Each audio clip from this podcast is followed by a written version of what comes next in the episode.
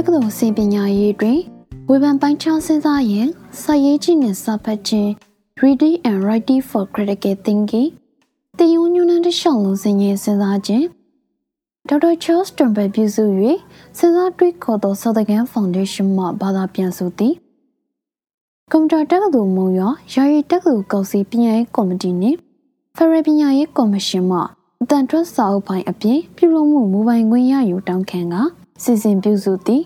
နရတာအဖြစ်ကျွန်တော်နှင်းသက်ဝေမှပြုလုပ်သွားမည်ဖြစ်ပါသည်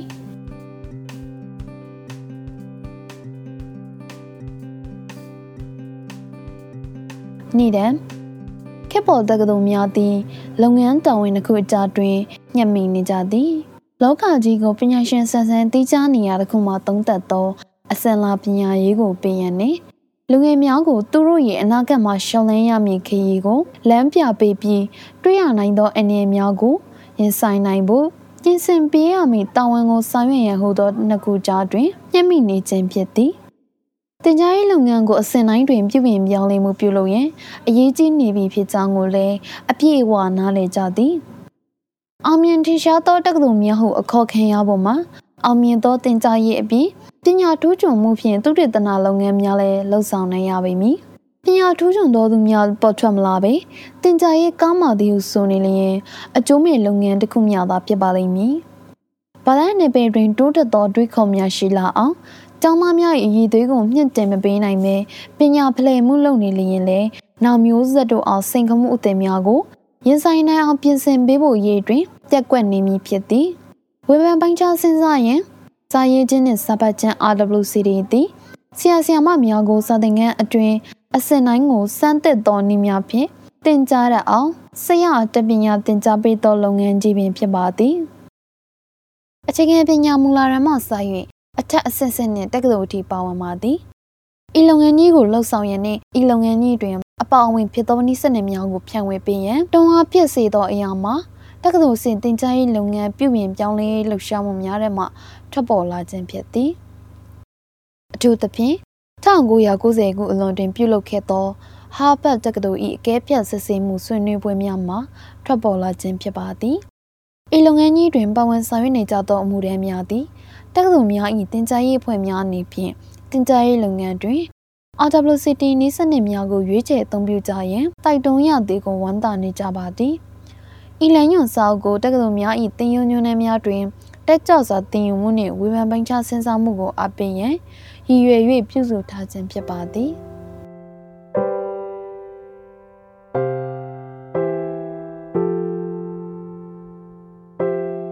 အပိုင်း1တက္ကသိုလ်ပညာရေးတွင်တက်ကြွစွာသင်ယူခြင်းဖြစ်တဲ့ကြောင့်အဆိုပြုချက်တက္ကသိုလ်စာသင်ခန်းများတွင်တက်ကြွစွာသင်ယူခြင်းရှိသည့်အကြောင်းရင်းလေးကို တက်ကြွစွာသင်ယူခြင်းကလက်တွေ့အသုံးချနိုင်သောအသည့်ကို ဖြစ်ထွန်းစေပါသည်အထွေးခေါ်ပညာရှင် Efrain Nothwar 1910-1950လွန်ခဲ့သည့်နှစ်ပေါင်းများစွာကလေးကရေးသားခဲ့ပြီးစိတ်ပညာရှင် Howard Gardner 1991ကမကြသေးမီကလက်တွေပြသခဲ့သောအချက်တစ်ခုရှိသည်လက်ခံမသားထားသောအသည့်ကျောင်းသင်ဘဟုတုတအသည့် school knowledge အတွေ့အကြုံမှာသိစိတ်တဲ့သို့သုံးသက်ချက်မလုပ်ဘဲဓာတ်ရိုက်ရောက်လာသောအသည့်အလိုလျောက်အသည့် intuitive knowledge သိပ္ပံနည်းကျသုံးသက်အတည်ပြုထားသောအယူဆများဖြင့်ကမ္ဘာလောကကြီးကိုနားလည်ပြီးပြဿနာများကိုပြေလည်အောင်ဖြေရှင်းနိုင်သည့်နည်းလမ်းများကိုပေးနိုင်သောစဉ်းစားမှုလုပ်ငန်းစဉ်ဘာသာရဲ့နေပယ်ဆိုင်ရာအသည့်နှင့်စဉ်းစားမှု disciplinary knowledge and thinking တို့၏ကြားတွင် မတူကွဲပြားမှုများရှိကြသည်ကိုထင်ရှားပြနိုင်ပြီဖြစ်ပါသည်ဘာသာရဲ့နေပယ်ဆိုင်ရာစဉ်းစားမှုဆိုသည်မှာတက်ကြွစွာအထောက်မှုရှိမှရရှိသောအရာမျိုးဖြစ်ပါသည်ထိုသည်မျိုးကိုမရရှိပါလျင်အားနည်းချက်ရှိတဲ့သောအလိုလျောက်အသည့်ဖြင့်နေဆဒူကတွေးမြဲတိုင်းသာတွေးကြမည်ကျောင်းသင်မဟုတ်သူတော်အသည့်ဖြင့်ဆမဝဲအောင်ဖို့ကြိုးစားပြပြီးလူအများရှိတွင်ဂုံယူနေတဲ့ကြပေမည်။ ဘာသာနေပင်ဆိုင်ရာအသိနှင့်စဉ်းစားမှုမျိုးကိုသိပ္ပံပညာရှင်များစာပေဝေဖန်ရေးသမားများနှင့်လူမှုရေးရာတွေးခေါ်ရှင်များကသာအသုံးပြုရကြပြီးအဆင့်မြင့်ပညာရေးနှင့်ပို၍အဝင်ခွင့်ချက်ရှိလာပါသည်တက်ကြွစွာတင်ယူမှုကဘဝတစ်လျှောက်လုံးလေ့လာတင်ယူသည့်အလေးထားကိုဖွံ့ဖြိုးစေသည်တင်ယူရက်အောင်တင်ယူမှု learning to learn ပါဝင်နေသောပညာရေးဟူသည်ခေတ်ကုန်နေပြီဖြစ်သောဘွဲ့ဒီဂရီတစ်ခုရရှိရန်များအတွက် တင်ယူမှုကိုလှုပ်ဆောင်ခြင်းမျိုးမဟုတ်ပေကျောင်းသားများ၏စိတ်ကိုဆက်ဆက်မပြတ်ဖွံ့ဖြိုးမှုဖြစ်ထွန်းနေစေမည်ကမ္ဘာလောကကြီးတစ်ခုလုံးနှင့်အသိဉာဏ်ကြွယ်ဝသောစကားပြန်လည်ပြောဆိုမှုပြုလုပ်ခါဒန်းတူလိုက်ပါလာနိုင်အောင်သာပြင်ဆင်ပေးမည်ဖြစ်ပါသည်တက်ကြွစွာတင်ယူမှုကစိတ်ရှည်တိခံပြီးအပြန်လည်အမိတဟဲပြုသောလူမှုအလေးထားကိုဖွံ့ဖြိုးစေသည်အမှန်ဆိုရလျင်တက္ကသိုလ်ကရသောအဖိုးတန်ဆုံးသင်ခန်းစာများတဲ့တွင် လူမှုဆက်ဆံရေးဆိုင်ရာသင်ခန်းစာများလည်းအပါအဝင်ဖြစ်သည်တက္ကသိုလ်ဟူသောဝေါ်ဟာရတွင်တက်ကကြံတွေ့မှုအမျိုးမျိုးသီလာလေ့ကျင့်ပေးရာဌာနအရက်ဟုဆိုသည့်အတိုင်းတက္ကသိုလ်ကျောင်းသားကျောင်းသူအပေါင်းတို့သည်မိမိတို့နှင့်မကြုံဝင်ခဲ့ဘူးသောအတွေးခေါ်များကိုတင်ကြားခွင့်ရရှိရုံမျှမကယခနေ့မတူတော့သည့်သူများပင်ဖြစ်ကြရပေအောင်မည်တခြားစွာတင်ယူမှုနှင့်စင်ကြင်စဉ်းစားမှုကိုအားပေးသောစာသင်ခန်းများသည်မိတ်ဆွေဖွဲ့စရာ အခြားသူများစွာတို့နှင့်ဆုံတွေ့ရမှအချင်းချင်းနားလည်ပြီးမတူကွဲပြားမှုများအနက်မှာပုံမကောင်းမွန်ရာကိုရွေးချယ်က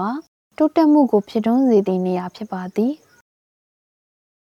တချို့သောသင်ယူရသောနီးများကိုသုံးလျင်ကျောင်းသားကျောင်းသူများကသင်ခန်းစာကိုပို၍ထဲထဲဝင်ဝင်လေ့လာကြသည်လွန်ခဲ့သောဆယ်နှစ်တာကာလအတွင်းဟာဗတ်တက္ကသိုလ်အကဲဖြတ်စစ်ဆေးမှုဆွေးနွေးပွဲများ Live 2000ကတက္ကသိုလ်ကောလိပ်အဆင့်တွင် ပညာရေးကိုပုံမထိရောက်မှုရှိသေးသည့်အချက်များကိုရှာဖွေခဲ့ကြသည်တွေ့ရှိခဲ့သောအချက်များမှာ၁ရှင်းလင်းတိကျစွာဖော်ပြထားသောကြိုတင်မျှော်လင့်ချက်၂စရိုင်းများမကြာခဏရေးသားတင်သွင်းစေမှု၃နှစ်ဆုံးတွင်တစ်ကြိမ်နဲ့ဖြည့်ဆို့စေခြင်းတက်စီမံချက် project ပုံစံများစွာဖြင့်အကဲဖြတ်မှု၄အပြန်လည်မေးခွန်းများမေးမြန်းမှု၅အကျူတကာလေးလာခြင်းနှင့်ပူးပေါင်းလုပ်ကိုင်ခြင်း၆ တင်ရုပ်ပါအကြောင်းအရာကိုစာသင်ခန်း၏ပြင်ပလောကနှင့်ဆက်ဆက်ပေးနိုင်မှုဖြစ်ကြပါသည်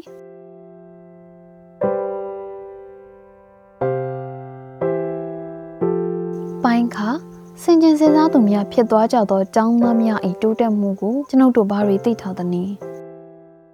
အသိဉာဏ်ပိုင်းဆိုင်ရာဖွံ့ဖြိုးတိုးတက်မှုနှင့်ပတ်သက်၍ PRJ ကအကျေပြန့်ဆုံးရှင်းလင်းချက်ကိုပေးခဲ့သည်သူ၏ရှင်းလင်းချက်တွင်ကျောင်းသားများအထက်တန်းဆင့်ကိုရောက်ချိန်တွင် ညံရီ၏အမြင့်ဆုံးဆင့်ကိုရောက်သည်ဟု၍ပါရှိသည်။ထို့သောဆိုသည့်အတိုင်းသူတို့တွေတက်ကသိုလ်အဆင့်သို့ရောက်ရှိချိန်တွင်ဘဟုတုတ္တတိုးပွားမှုအမှန်တရား၏သဘောလက္ခဏာများကိုနားလည်ပုံနားလည်နည်းနှင့်အသိဉာဏ်ကိုမစုံမနဲ့ရှာဖွေမှုကဲ့သို့သောအသိဉာဏ်ပိုင်းဆိုင်ရာဖွံ့ဖြိုးမှုများကိုဆက်လက်ရရှိနေစေပင်ဖြစ်သည်။တင်ရိုးပါအကြောင်းအရာများကိုတမယိုးကြနီးဖြင့်သာလေ့လာတမြောက်ခဲ့ပြီးတက္ကသိုလ်နေမြေကိုဝင်ရောက်လာရသည့်ကျောင်းသားကျောင်းသူများသည်ကမ္ဘာလောကကြီးကိုအဖြူမဲဝေါ်ဟာရဖြင့် အတိတ်ပဲပြေဝမသိမြင်ရပဲအမြင်တက်နိုင်ုံမျှသာသိကြသေးသည်အတိတ်ပဲဆိုချက်တို့သည်လဲတင်ယိုးပါအကြောင်းအရာများကိုတမယိုးကြနည်းများဖြင့်သာလေးလာတက်မြောက်ခဲ့ပြီးတက္ကသိုလ်နေမြေကိုဝင်ရောက်လာရသည့်ကျောင်းသားကျောင်းသူများသည်ကမ္ဘာလောကကြီးကိုအဖြူမဲဝေါ်ဟာရဖြင့်အတိတ်ပဲပြေဝမသိမြင်ရပဲအမြင်တက်နိုင်ုံမျှသာသိကြသေးသည်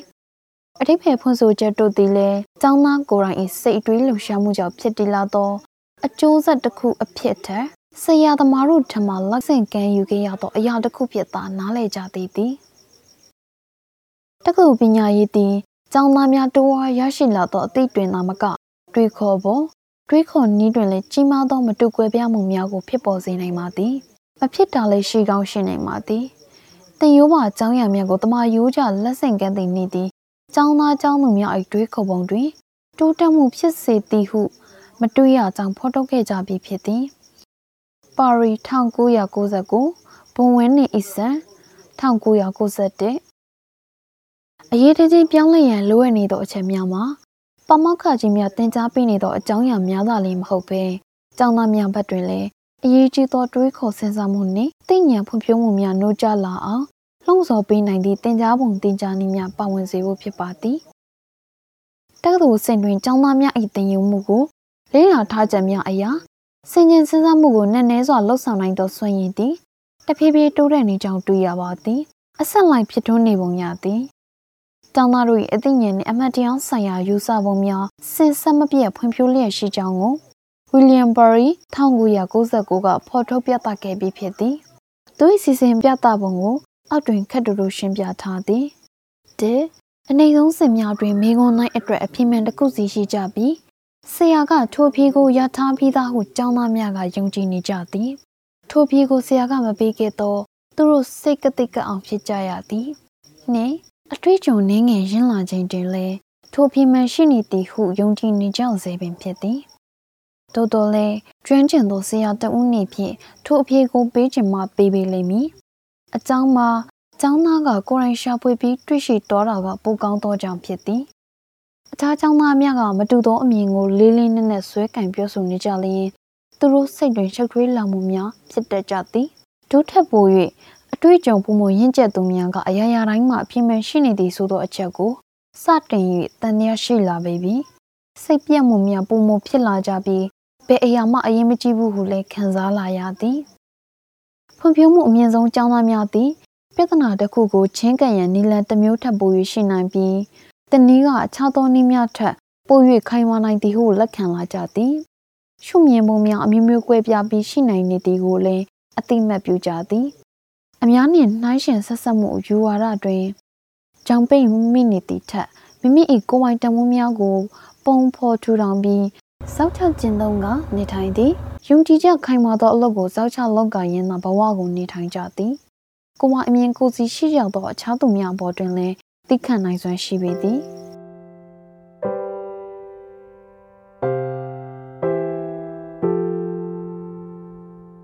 အပိုင်းကအများကြီးရှိခြင်းအများကြီးပြည့်ရင်ခြင်းပုံစံအကြောင်းအရာများကိုတက်တောင့်တက်တာဖြင့်တွေးယူတွေးစဉ်ညိုးမြင်စဉ်ပုံစံအတိုင်းမတွေ့ရဘဲစိန်ခေါ်မှုရှိသည့်အနေအထားနှင့်ကြုံတွေ့ရသည့်အခြေအနေကို စဉ်းစားတွေးခေါ်မှုမျှခြေပြည့်ရင်းခြင်းပုံစံဟုစိတ်ပညာရှင်ကြီးပီယာဂျေကခေါ်တွင်စေခဲ့ပြီး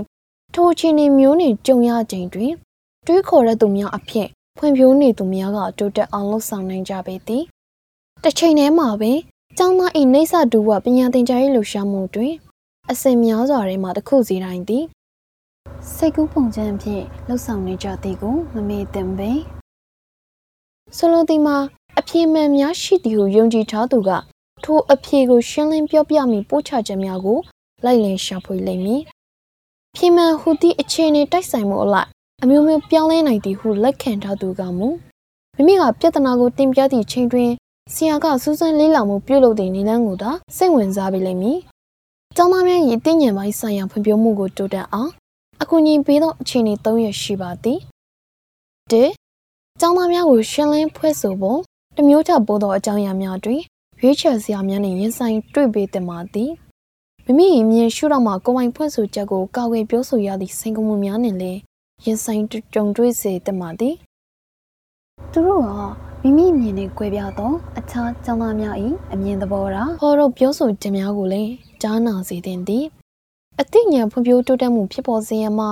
အခြားတစ်ယောက်ကမိမိအမြင်ထက်ပုံမဆုံလင်ဆန်းပြောင်းစွာတွေးခေါ်ပုံကိုကြားသိရခြင်းထက် မိမိအမြင်ထက်အနှဲငယ်ပုံမမြင်မာသောအတွေးကိုကြားသိရခြင်းကပိုးလှုပ်ဆောင်မှုဖြစ်စေပါသည်၃သူတို့ဟာပြန်လည်သုံးသပ်မှုလုပ်ရန်အားပေးတင်သည်ထို့သဖြင့်အရေးသားပိုင်းဆိုင်ရာတွင်မိမိစဉ်းစားပုံကအပြောင်းလဲဖြစ်နိုင်သောလမ်းကြောင်းများပေါ်ရှိနေကြတွင်ပြန်လည်သုံးသပ်စေတတ်ပါသည်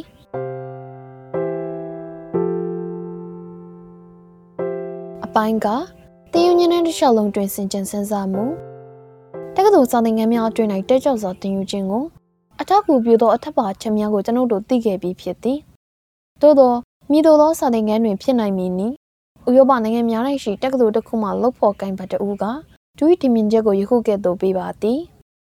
သူတို့တိုင်မြေကတက္ကသိုလ်ဆရာဆရာမများကိုအခန်းတစ်ခုထဲတွင်စုဝေးတွေ့ဆုံပေးလိုက်လျင်သူတို့၏အုပ်ထုံများအကြောင်းလောက်သာပြောဆိုကြလိမ့်မည်သူတို့၏ဆရာဘဝအတွေ့အကြုံတွင်သူတို့အတန်းကိုကောင်းကောင်းသင်ပေးနိုင်ဖို့ရန်ခက်ခဲပါသည်ဆိုသည့်စကားမျိုးကဲ့သို့ ဝိုင်းဖွဲ့ပြောလောက်စရာဘုံပြဿနာမျိုးတွေ့နိုင်မည်မဟုတ်ဟုဆိုပါသည်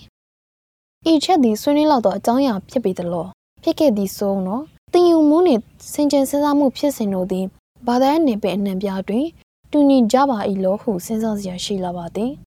ပြန်နယ်ပယ်များကြားရှိမတူကွဲပြားမှုများကိုအလွယ်တကူပင်မြင်သာပါသည်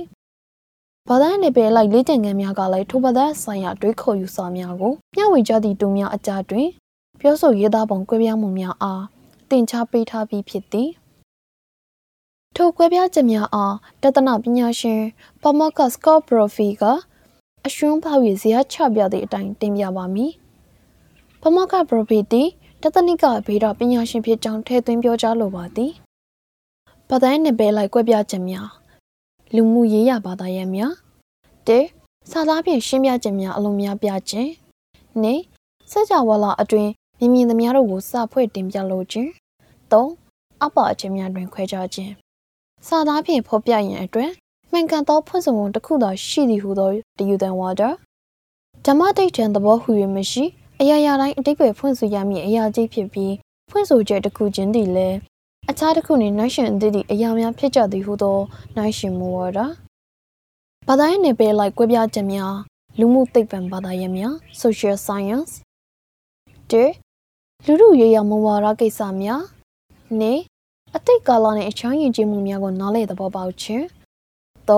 အပ္ပအချက်များတွင်ခွဲခြားခြင်းလူများမြည်သို့နေထိုင်ပြီးမြည်သည့်အရာကိုယုံကြည်ကြသည်ကိုလေ့လာမှုများဖော်ပြချက်များမှန်စာချက်များလူများမြည်သို့နေထိုင်သင့်ပြီးမြည်သည့်အရာကိုယုံကြည်တဲ့ကြောင်းလေ့လာမှုများပြဋ္ဌာန်းချက်များလက်တွေ့ကဘာကိုလစ်လီရှုတတ်ကြသောသဘောထားဆိုင်ရာရန်ပွဲများဘာသာရေးနယ်ပယ်လိုက်ကွဲပြားချက်များ တဘာဝသိပ္ပံ neutral science တဲ့မိသည့်အရာများအတိတ်ပဲဖွင့်ဆိုရင်မလိုပါတဘာဝဓမ္မတိတ်တင်ကြောက်စွာတရှိနေကြသည့်အရာများကြီးသာဖြစ်ကြသည်မိတို့ပင်စိုးစေးကမူဤချာနာချက်များကိုဖော်ပြပြီးနောက်တွင်ဘာသာရေးနှင့်လေ့လာသည့်အကြောင်းအရာနယ်ပယ်များတွင်သူရေသနာလုပ်ငန်းများနှင့်တွေ့ရှိချက်များကိုအခြားသူများအားတင်ပြသည့်အခါတွင်ထုံးနည်းစင်တူကျင့်သုံးမှုများရှိကြသည်ကိုသတိပြုကြစီလိုပါသည်။ညာရှင်များအနေဖြင့် ရတော့စာပေလက်ရတစ်ခုကိုဖွင့်ဆိုသည်ဖြစ်စေနိုင်ငံရေးသိမ္မှန်ကောင်းစဉ်တစ်ခုကိုစူးစမ်းလေ့လာသည်ဖြစ်စေအောက်ပေါ်အချက်များကိုများသောအားဖြင့်လှုပ်ဆောင်ကြရပေသည်။တယုံညနာတစ်ရှောင်းလုံးတွင်ပုံလုံးဆောင်မှုတုတိတနာလုပ်ငန်းဆောင်ရွက်ခြင်း research တေပြဿနာချင်းတွင်တိဆောက်ခြင်းမိသည့်အကြောင်းအရာကိုလေးလာစူးစမ်းမှုပြုသည်နီဤရာကအပဲ့အကြောင်းရည်ကြည်ပါသည်နီနေကျူတင်မဆချက်ကိုပုံဖော်ခြင်း၃အထောက်ပံ့ပြုသည့်အချက်လက်များကိုရှာဖွေခြင်း ၄ကွဲလွှင်းနေသောအချက်လက်များကိုစစ်ဆေးခြင်း၅ထောက်ထားသည့်တွေ့ရှိချက်များအရကျူတင်မဆချက်ကိုပြန်လည်ပြင်ဆင်ခြင်း၆နေကုန်းချုပ်ကောက်ချချက်တွင်အထောက်ထားကိုစင်ရင်သုံးသက်ခြင်းယူဆချက်ကိုကောက်ွယ်ပြောဆိုခြင်းတယုံညွန်းတစ်လျှောက်လုံးတွင်ပုံလုံးဆောင်မှုတုတ်တေသနာရလဒ်ကိုအခြားသူများအားတင်ပြခြင်း၁ဖြည့်ဆို့ရမည်မိကွန်း၏ထူးခြားချက်ကိုရှင်းပြခြင်းနှင့်အပြိုင်နေသည့်အဖြစ်များ၏ဆင်ခြင်ပုံများကိုလည်းစစ်ဆေးခြင်း ၃ယူဆချက်ကိုကောက်ွယ်ပြောဆိုခြင်းအပြိုင်နေသည့်အခြားယူဆချက်များကိုခြေပခြင်းယူဆချက်ကိုထောက်ကွယ်ရန်စီလို့သည့်ထောက်ထားများ၏အင်အားကိုစုစည်းတိဆောက်ခြင်းအခြားသူများအားမိမိယူဆချက်ကိုလက်ခံစေခြင်းတက်ကြောင်းကျိုးစီလို့စာတွေးဆနိုင်စေရန်ဝေဖန်ပိုင်းခြားဆန်းစာရန်စာရေးခြင်းနှင့်စပတ်ခြင်း RWCD လုပ်ငန်းစီမံချက်များ၏တွေ့ကြုံရာဗဒန်နေပေမတူကြသောတင် जा ရေးဖွဲ့များအနေဖြင့်အချင်းချင်းပြန်လည်လေးလာနိုင်ပွဲရှိသည်များကိုတွေ့ရှိကြကြပြီးဖြစ်ပါသည် လက်တွေ့လေးလာသင်ယူမှု workshop များလည်းပြုလုပ်ကြပြီးလျင်လဲမိမိသင်ယူရရှိခဲ့သည်များကိုမိမိသင်ယူတွင်စီလျောအောင်ပြုကာအသုံးချကြပါသည်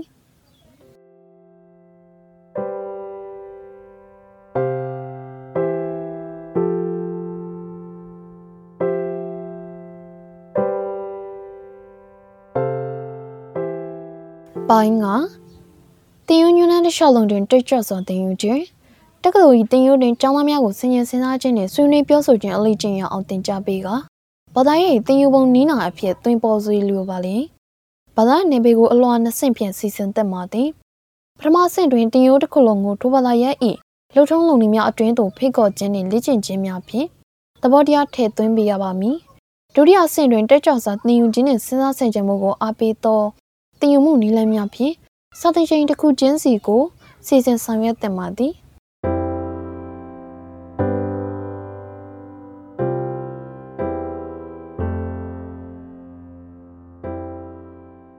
ပိုင်းနဲ့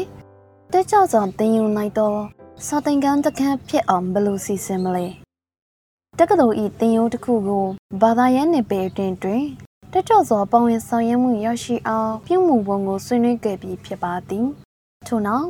တင်ရုံးတစ်ခုတွင်မှာပဲနေ့စဉ်လှုပ်ဆောင်ပွဲရှိသည်များကိုလည်းအလေးပေးရန်လိုအပ်လာပါသည်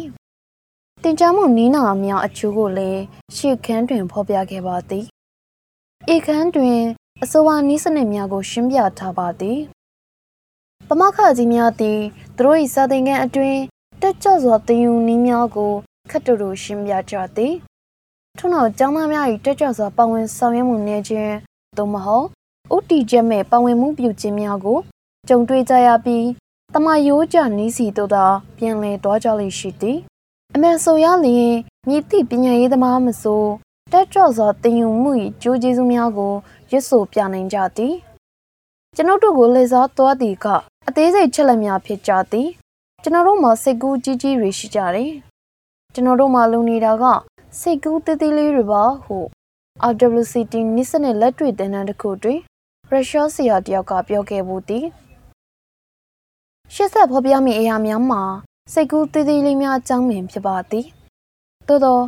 ထိုရာလေးများအလုံးသည် စိတ်ကူးကြီးတစ်ခု၏အတွင်းသားများအဖြစ်ပါဝင်နေကြသည်ဆိုလိုသည်မှာစာသင်ချိန်တစ်ချိန်တွင်မှာအသုံးပြုလိုက်သည့်မြည်သည့်သင်ကြားမှုနီးပြဟာအစုဝေးပင်ဖြစ်စေကျောင်းသားများ၏အတွေးကိုနေရာတကျဖွံ့ဖြိုးအောင်ဂီယုတဆရေးဆွဲထားသောစီစဉ်တစ်ခုတည်းတွင်ပေါင်းဆက်ယူနိုင်မည်ဆိုပါကပို၍ထိရောက်မှုရှိကြမည်ဖြစ်ပေသည်အစီအစဉ်ရေးဆွဲမှုနှင့်ကျွန်ုပ်တို့စတင်ပါမည်တက်ကြွသောတင်ကြားမှုနှင့်တင်ယူမှုမူပါ တင်ကြားရေးနေပြဟာများကိုတင်ပြမိယခုကဏ္ဍကိုတမျိုးချင်း၏လှုပ်ဆောင်မှုရွယ်ချက်ကိုလိုက်ပြီးအကြံဉာဏ်ထွက်ပေါ်စေခြင်းအတိတ်ပဲပုံဖော်ခြင်းပြန်လည်စဉ်းစားခြင်းဟူ၍အပိုင်း၃ပိုင်းခွဲထားပါသည် Astans နှင့် Bogan 1986ထို့နောက် Steen နှင့် Merrill 1995ဤအပိုင်း၃ပိုင်းကိုပေါင်းစပ်၍တက္ကသိုလ်စာသင်ချိန်တစ်ခုကိုပုံဖော်ရာတွင် အသုံးဝင်လာသည့်နည်းလမ်းအဖြစ်တင်ကြားမှုနှင့်သင်ယူမှုမူပေါင်း Teaching and Learning Framework ပြုလုပ်ထားခြင်းဖြစ်သည်။ဤအပိုင်းသုံးပိုင်းဖြစ်သည့်အကျဉ်းချုပ်ထွက်ပေါ်စေခြင်းအတိတ်ပဲပုံဖော်ခြင်းနှင့်ပြန်လည်စဉ်းစားခြင်းတို့တွင်ဆရာသည်စာသင်ချိန်တွင်ပါဝင်လာမည့်အကြောင်းအရာကိုကျောင်းသားများ၏အသည့်ဟောင်းများနှင့်ချိတ်ဆက်ပေးသည်။ထို့နောက်သူတို့သိကျင်သောမိဂုံးများတည်ယူမှု၏ရွေချက်များနှင့်ချိတ်ဆက်ပေးပါသည်။ထို့မှတစ်ဆင့် ကျောင်းသားများစူးစမ်းမေးမြန်းရန်နှင့်လေ့လာဖော်ထုတ်ရန်သို့မဟုတ်အကြောင်းအရာကိုကိုယ်တိုင်လှုပ်ဆောင်၍သင်ယူလေ့လာရန်အပိုင်းသို့ရှေ့ဆက်စေပါသည်ထို့နောက်ကျောင်းသားများဆွေးနွေးခြင်းလေ့လာသိရှိရသည်တို့ကို ပြန်လည်သုံးသပ်ခြင်းပြန်လည်တင်ပြခြင်းသို့မဟုတ်ပြဿနာများကိုဖြေရှင်းခြင်းပိုင်းသို့ဆုံးသက်ရောက်ရှိပါသည် RWCD သင်တန်းသည်တက်ရောက်သူများကိုဤအပိုင်းတစ်ခုစဉ်တွင်အသုံးပြုရန်အတွက် တင် जा မှုနည်းစနစ်ပေါင်းများစွာကိုသင်ယူစေပြီးအသုံးပြုစေပါသည်ကျောင်းသား၏သင်ယူမှုကိုတိုးတက်စေရန်အတွက်နည်းစနစ်တစ်ခုစီသည်ဘယ်အချိန်နှင့်ဘယ်အချိန်တွင်အထီးရောက်ဆုံးအသုံးပြုနိုင်မည်ကိုလည်းလေ့လာသင်ယူကြရပါသည်အပိုင်းကတညထွက်ပေါ်စေရန်အသုံးပြုသည့်နည်းစနစ်များ evocation phase အကျဉ်းချုပ်ထွက်ပေါ်စေရဲ့အပိုင်းတွင်အသုံးပြုသည့်နည်းစနစ်များသည် ဆွေးနွေးမြင့်ခေါင်းစဉ်ကိုမိတ်ဆက်ပေးပြီးကျောင်းသားများထံမှ၎င်းနှင့်ပတ်သက်သည့်မိကွန်းများထွက်ပေါ်လာစေရန်လည်းအကူအညီပေးပါသည်ကိုရိုင်းလှုပ်ဆောင်မှုလုပ်ငန်းများအပိုင်းသည်တင်ယူမှုလုပ်ငန်းတွင်ရှင်းအောင်ညညွတ်စွာတုတ်တေသနာပြုလုပ်၍ဖော်ထုတ်မှုမှပေါ်ထွက်လာသောလုပ်ရများဖြစ်ကြသည်ထို့ကြောင့်ကျောင်းသားများကကျွန်ုပ်တို့မှာရှိထားပြီးသောအသိများနှင့်ချိတ်ဆက်၍လေ့လာရလျင်ခေါင်းစဉ်တစ်ခုပေါ်ကိုရိုင်းမေးခွန်းထုတ်ခွင့်ရလျင် တင်ယူမှုရွယ်ချက်ကိုကိုရိုင်းချမှတ်ရလျင်ကျွန်ုပ်တို့အကောင်းဆုံးသင်ယူကြသည်ဟုပြောပြနေခြင်းပင်ဖြစ်ပါသည်၁ကျူတင်စီစဉ်သူ Advanced Organizer ကျူတင်စီစဉ်သူ Oswell 1980တည်ဗီဒီယိုသို့မဟုတ်ရုပ်ပုံများ graph များဖြင့်ပုံဖော်ကာဆရာကခက်တူတူဟောပြောတင်ပြ၍တင်ကြားမြင့်ခေါင်းစဉ်ကိုမိတ်ဆက်ပေးခြင်းဖြစ်ပါသည်ထို့နောက်ဆရာကအကြံပြင်းတင်ပြချက်မှ မသိမဖြစ်ဝေါ်ဟာရများကိုမိတ်ဆက်ရှင်းပေးပြီးစာသင်ချိန်အတွင်းဆက်လက်လေ့လာရမည့်အရာများကိုဆွေးနွေးကြပါသည်။ဤနည်းစနစ်၏ရွယ်ချက်မှာသင်ခန်းစာခေါင်းစဉ်တွေပတ်သက်၍ကျောင်းသားများ၏ရှိပြီးသောအသည့်ကိုဆွဲခေါ်ရန်ထိုသည့်ကိုစီစဉ်တကြဖြစ်စေပြီးအသည့်သစ်များထပ်ဖြည့်ဖို့အသင့်ပြင်ပေးခြင်းဖြစ်ပါသည်။နေဥတီသောမိကုံးများ focus the questions ကျောင်းသားများသိရှိထားပြီးသားများနှင့် အတန်းကဆက်လက်လေ့လာရမည့်အရာများကိုမင်းပြန်သောမိကုံများသည်စာသင်ချိန်တစ်ချိန်ကိုစတင်ရတွင်အမြဲတမ်းအရေးကြီးလေရှိသည်မိကွန်များသည်အဖြေရှာဖို့လိုအပ်နေသောကြီးမားသည့်ပြဿနာကြီးများသို့မဟုတ်ဘယ်ဟလီများဖြစ်နိုင်ပါသည်ဖြစ်ရဲ့တစုံတရာကိုပြော၍စိတ်ဝင်စားဖွယ်မိကွန်တင်ပြခြင်းလည်းဖြစ်နိုင်ပါသည်ခြုံငုံအမြင်နှင့်အသေးစိတ်အမြင်ကိုချိန်ဆ၍သောမိဒလျင် ဘဟုပြုသောမိကွန်များသည်အလွန်ထိရောက်ကြသည်ဥပမာအားဖြင့်တမိုင်းဘာသာရဲ့သင်ကြားချိန်တစ်ချိန်တွင်ဆရာကအောက်ပါမိကွန်ဖြင့်စတင်နိုင်သည်1849ခုနှစ်ကလာတဝိုက်ကပြင်သစ်အီတလီဂရိနဲ့ရိုမေးနီးယားတိုင်းပြည်များတွင်စိတ်ကူးရင်စံသည့်အပိုင်းလည်းရှိပြီးအမျိုးသားရေးစံသည့်အပိုင်းလည်းရှိသောစိတ်တက်နှူးကြွမှုများရှိခဲ့ပါသည်အဘိကြောင့်နိ ၃စဉ်းစားတွဲဖလဲဥတီတော်မိကုံများသည်ကျောင်းသားများအလုံးကစဉ်းစားပြီးဖြေဆိုရန်အတွက်ချိတ်ဆက်စီစဉ်၍အသုံးပြုလျင်ပို၍တည်ရောက်ကြသည်စဉ်းစားတွဲဖလဲ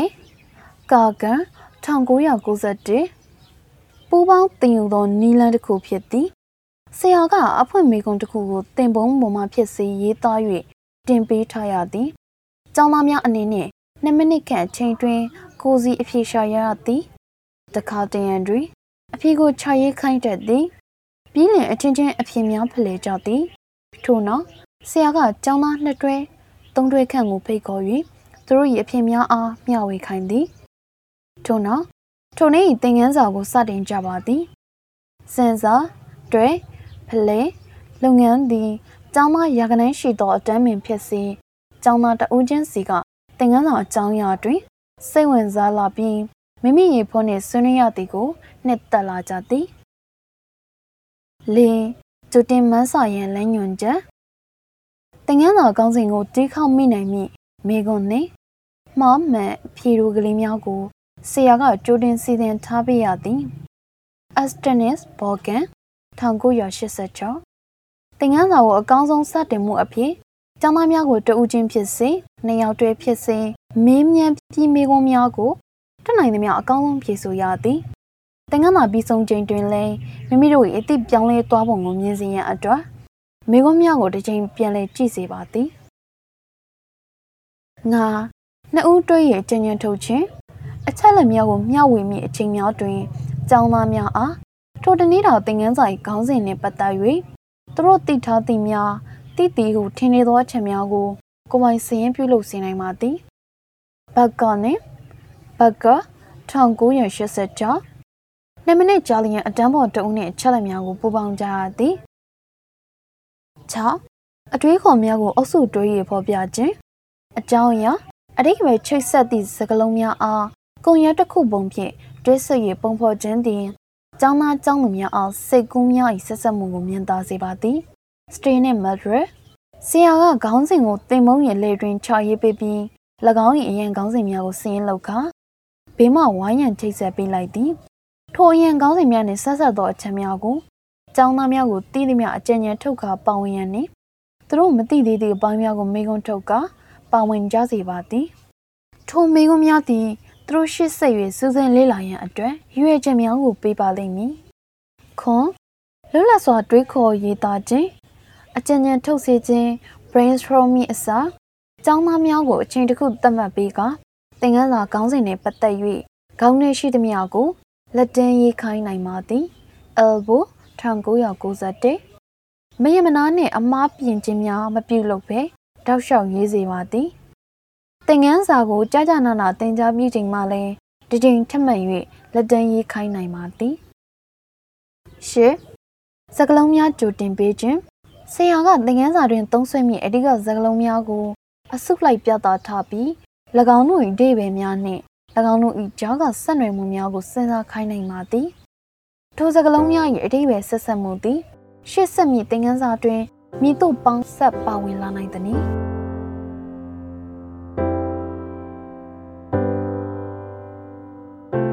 အတိပ္ပယ်ပုံဖော်ခြင်းအပိုင်းတွင်နီးဗျူဟာများအတိပ္ပယ်ပုံဖော်ခြင်းဟူသောဝေါ်ဟာရမှာတင်ငန်းတော်အကြောင်းအရာကိုကျောင်းသားများမိမိရရစုပ်ကိုင်မိလာသည် RWCD လုပ်ငန်းစဉ်တွေကပိုင်းကိုခေါ်ဆိုခြင်းဖြစ်ပါသည်ဘောဟာရာပါစကားအတိုင်းပင်ကျောင်းသားများကသင်ခန်းစာပါအကြောင်းအရာကိုအပြုကံသဘောဖြင့်လက်ခံယူကြခြင်းမဟုတ်ပင်မိမိသိလို့သောမိဂုံးများ၏အဖြစ်အပြင်သို့မဟုတ်တင်ယူလဲလာလို့သောရည်ရွယ်ချက်ကိုရောက်ရှိမှုအဖြစ်ဖြင့် အတိကိုကိုယ်တိုင်တိဆောက်ယူကြခြင်းဖြစ်ပါသည်ထို့ကြောင့်မင်းအတိပ္ပယ်ပုံပေါ်ခြင်းဟူသောဝဟာရသည်နားလေသဘောပေါက်ခြင်းအတိတိဆောက်ခြင်းစူးစမ်းလဲလာခြင်းနှင့်အလားတူသောအတိပ္ပယ်များကိုဆောင်နေပါသည်ထိုအဆင့်တွင်အသုံးပြုနိုင်သောနည်းစနစ်များမှာလည်းကျောင်းသားများကိုယ်တိုင်ဆောက်လုပ်ရသောနည်းလမ်းများပင်ဖြစ်ကြပါသည်ကိုရုပ်ပုံကားချက်ဇာတ်များဖြင့်ဖော်ပြခြင်း graphic organizer သည် ERR အဆင့်တိုင်းတွင် သုံးနိုင်သောနည်းစနစ်ဖြစ်သည်တင်ကြောင်မှုဖြစ်စဉ်တိုင်းတွင်အသုံးပြု၍အယူဆများနှင့်စိတ်ကူးစိတ်တမ်းကြမှအကျိုးအကြောင်းဆက်ဆက်ပုံများကို ရုပ်ပုံများဖြင့်ဖော်ပြခြင်းဖြစ်သည် discussion ဝ Venn diagram clustery နည်းတို့သည် graphic organizer ပုံစံများပင်ဖြစ်သည်စရဲတွင်ရှိသောကြံဉာဏ်များကိုအစီအစဉ်တကျဖော်ပြရာတွင်ကျောင်းသားများ၏တုတ်ပြန်ချက်များကိုကားချက် ဇယားများဖြင့်တီထွင်ဖန်တီးတက်စေရန်ရည်ရွယ်ပါသည်30အရှိန်မြင့်ထားသောပူချချက် enhanced lecture ပူချချက်တွေဟာများသောအပြင်သိပြီးအသုံးမဝင်ဘူးလို့သတ်မှတ်ကြပါတယ်။ဒါပေမဲ့ကျောင်းနေမှာအလုံးအသုံးများအသုံးဝင်တဲ့နည်းလမ်းဖြစ်ပါတယ်။ဆိုးကျိုးတွေကတော့ကျောင်းသားတွေကတရင်ချက်လက်ကိုလက်ခံသူတသက်ဖြစ်နေခြင်းနဲ့အကြကြီးအာယုံစူးစိုက်နားထောင်နိုင်ခြင်းမရှိခြင်းတို့ပါပဲ 7မိနစ်လောက်သုံးရင်အနေတော့ပါပဲ enhance lecture ကိုအောက်ပါအချက်တွေကြောင့်အသုံးပြုတတ်ပါတယ်တစ်တင်မမစခင်မှာပို့ချချက်ကိုစိတ်ဝင်စားအောင်လုပ်ခြင်းဟာကျောင်းသားရဲ့တိလို့စိတ်ကိုနှိုးဆွာတယ်နှစ်အခြားအသုံးပြုစရာဖတ်စရာမရှိတဲ့အခြေအနေလေးလောင်စူးစမ်းမှုတွေလုပ်ဖို့အစင်းသင့်မဖြစ်သေးတဲ့အခြေအနေမျိုးဟာသုံးလို့ရပါတယ်။၃လေးလောင်စူးစမ်းမှုကိုနားထောင်ခြင်းကတဆင့်လုပ်လို့ရပါတယ်။ ၄ကျောင်းသားရဲ့အသိဉာဏ်အဟောင်းကစာအုပ်စရန်ဖတ်ဖို့မလုံလောက်သေးတဲ့အခြေအနေမျိုးမှလည်းသုံးလို့ရပါတယ်။၁၁အပြန်လည်သင်ကြားခြင်းအပြန်လည်သင်ကြားခြင်းသည်ဖွင့်ငယ်များဖြင့်လှုပ်ဆောင်နိုင်သောစုပေါင်းသင်ယူခြင်းဖြစ်သည်။ဖွဲ့လိုက်ပြန်လည်သင်ကြားခြင်းအဖြစ်မှဖက်စာမှာအချက်လက်များထုတ်ယူနိုင်ခြင်းအရေးပါသောအယူအဆကိုရှာဖွေခြင်းအတွေးခေါ်ယူဆနှင့်အသေးစိတ်ချက်လက်များကြား ဆက်နွယ်မှုကိုတွေ့ရှိခြင်းနှင့်ဖတ်စာ၏ဒီဆောက်ပုံကိုနားလည်ခြင်းတို့ဖြစ်သည်အပြန်လည်သင်ကြားခြင်းကိုအောက်ပါနီးလန်းများဖြင့်ဆောင်ရွက်နိုင်သည်ဆရာကဥစွာတရုပ်ပြခြင်းဖြင့်စတင်သင်သည်တတင်နန်းသားနှစ်ဦးစီတွဲ၍ဆောင်ရွက်နိုင်သည်သင်ခန်းစာကိုနှစ်ဦးစလုံးအတူဖတ်ပြီးနောက်ပထမစာပိုက်အတွက်တဦးကအကျဉ်းချုပ်သူနောက်တဦးကအစစ်မြင့်မေးခွန်းမေးသူအဖြစ်ဆောင်ရွက်သည် ဒုတိယပိုင်းကိုတောင်းရင်ခွဲရအထက်ပါနှင့်အတိုင်းဆောင်ရွက်သည်နေဖက်စာကို၄ပိုင်းခွဲပြီး၄ဦးတွဲရလဲဆောင်ရွက်နိုင်သည်ဖက်စာပထမပိုင်းကိုအလုံးအတူဖတ်ပထမလူကအကျဉ်းချုပ်သူဒုတိယလူကအစစ်မြင့်မေးခွန်းမေးသူတတိယလူကရှင်းလင်းတင်ပြသူစတုထလူကခံမှန်းသူဖြစ်ဆောင်ရွက်သည်ဖတ်စာ၏ဂျာပိုင်များကိုဖျားတွင် အဖွဲ့ဝင်များအလေးချတာဝန်ခွဲဝေ၍အထက်ပါနှင့်အတိုင်းဆောင်ရွက်သည်စနစ်စာရေးသူကိုမြင်မြန်ကြည့်ဗလဲဆိုင်ရာဖက်စာတွေကကျောင်းသားတွေကိုနားလည်ဖို့လုပ်ရမှာရွေချက်အထမမြောက်ပါဘူးလို့စနစ်ကြာတုတ်တေသနာတွေကပြောပါတယ်တခါတလေတင်ပြချက်တွေဟာမရှင်းလင်းမှုဥပမာလုံလုံလောက်လောက်မပါဘူး။ကျောင်းသားတွေဟာကျောင်းရနဲ့ပတ်သက်ပြီးနောက်ခံအသိမရှိပေမဲ့သိနေတဲ့လူယူဆရပါတယ်။ ပိုဆိုးတာကကျောင်းသားတွေကအဲ့ဒီနောက်ခံအသိမရှိတော့မိမိတို့အပြစ်ကြောင့်လို့ထင်ပါတယ်။အဲ့ဓာတွေကိုဖြေရှင်းဖို့ဒီနီလန်းကိုအသုံးပြုဖို့ဖြစ်လာတာပါ။ True to is ဆိုတာတငန်းစာနဲ့ပတ်သက်ပြီးကျောင်းသားတွေကိုမသိတာတွေနဲ့ဖတ်စာနဲ့ပတ်သက်ပြီးရေဘူးရရှင်းဖို့လိုတဲ့ဆိုတာတွေကိုသတိပြုမိစေပါတယ်။ဖက်စာကိုပူနားလေစေဖို့မိကုန်းနေမေးစေတယ်။ဒီနီးနဲ့သုံးတဲ့အခါ စာဖတ်နီးမတူတဲ့အချက်တွေကစာဖတ်နေတုန်းစာရေးဆရာကိုစဉ်းစားစေတယ်။ချွတ်တူအေးရဲ့ရွေချက်ကစာဖတ်သူကိုစာရေးသူနဲ့ဆွေးနွေးမှုနှမျိုးလှုပ်ဆောင်နေပထမတစ်ခုကစာဖတ်နေတယ်။နောက်တစ်ခုကစာရေးဆရာသို့မဟုတ်အများနဲ့စကားပြောနေတာကိုမြင်စေတယ်။ဖတ်စာကိုမှတ်မိရုံမကပြောကျင်တာတွေကိုလည်းတကယ်နားလဲစေပါတယ်။ကိုယ်တိုင်နားလဲကိုစဉ်းစားခိုင်းနေကိုကိုကိုအတိတ်ပဲတိဆောက်လာနိုင်နေ မေးခွန်းတွေမေးတဲ့အခါအတိတ်ဘယ်ကိုအလေးနဲ့မေးတဲ့မေးခွန်းတွေထွက်လာနိုင်တယ်။ချွတ်တူအေကိုအောက်ပါလုပ်ငန်းစဉ်မျိုးလှုပ်ဆောင်နိုင်ပါတယ်။တေစာကိုတူဖက်ထားပြီးရှုပ်ထွေးနိုင်မဲ့နေရာနဲ့အဓိကနားလည်ရမယ့်နေရာတွေကိုရှာထားရပါမယ်။နေအရေးကြီးတဲ့အတွေးခေါ်နဲ့ကောက်ယူချက်ကိုနားလည်ဖို့အတွက်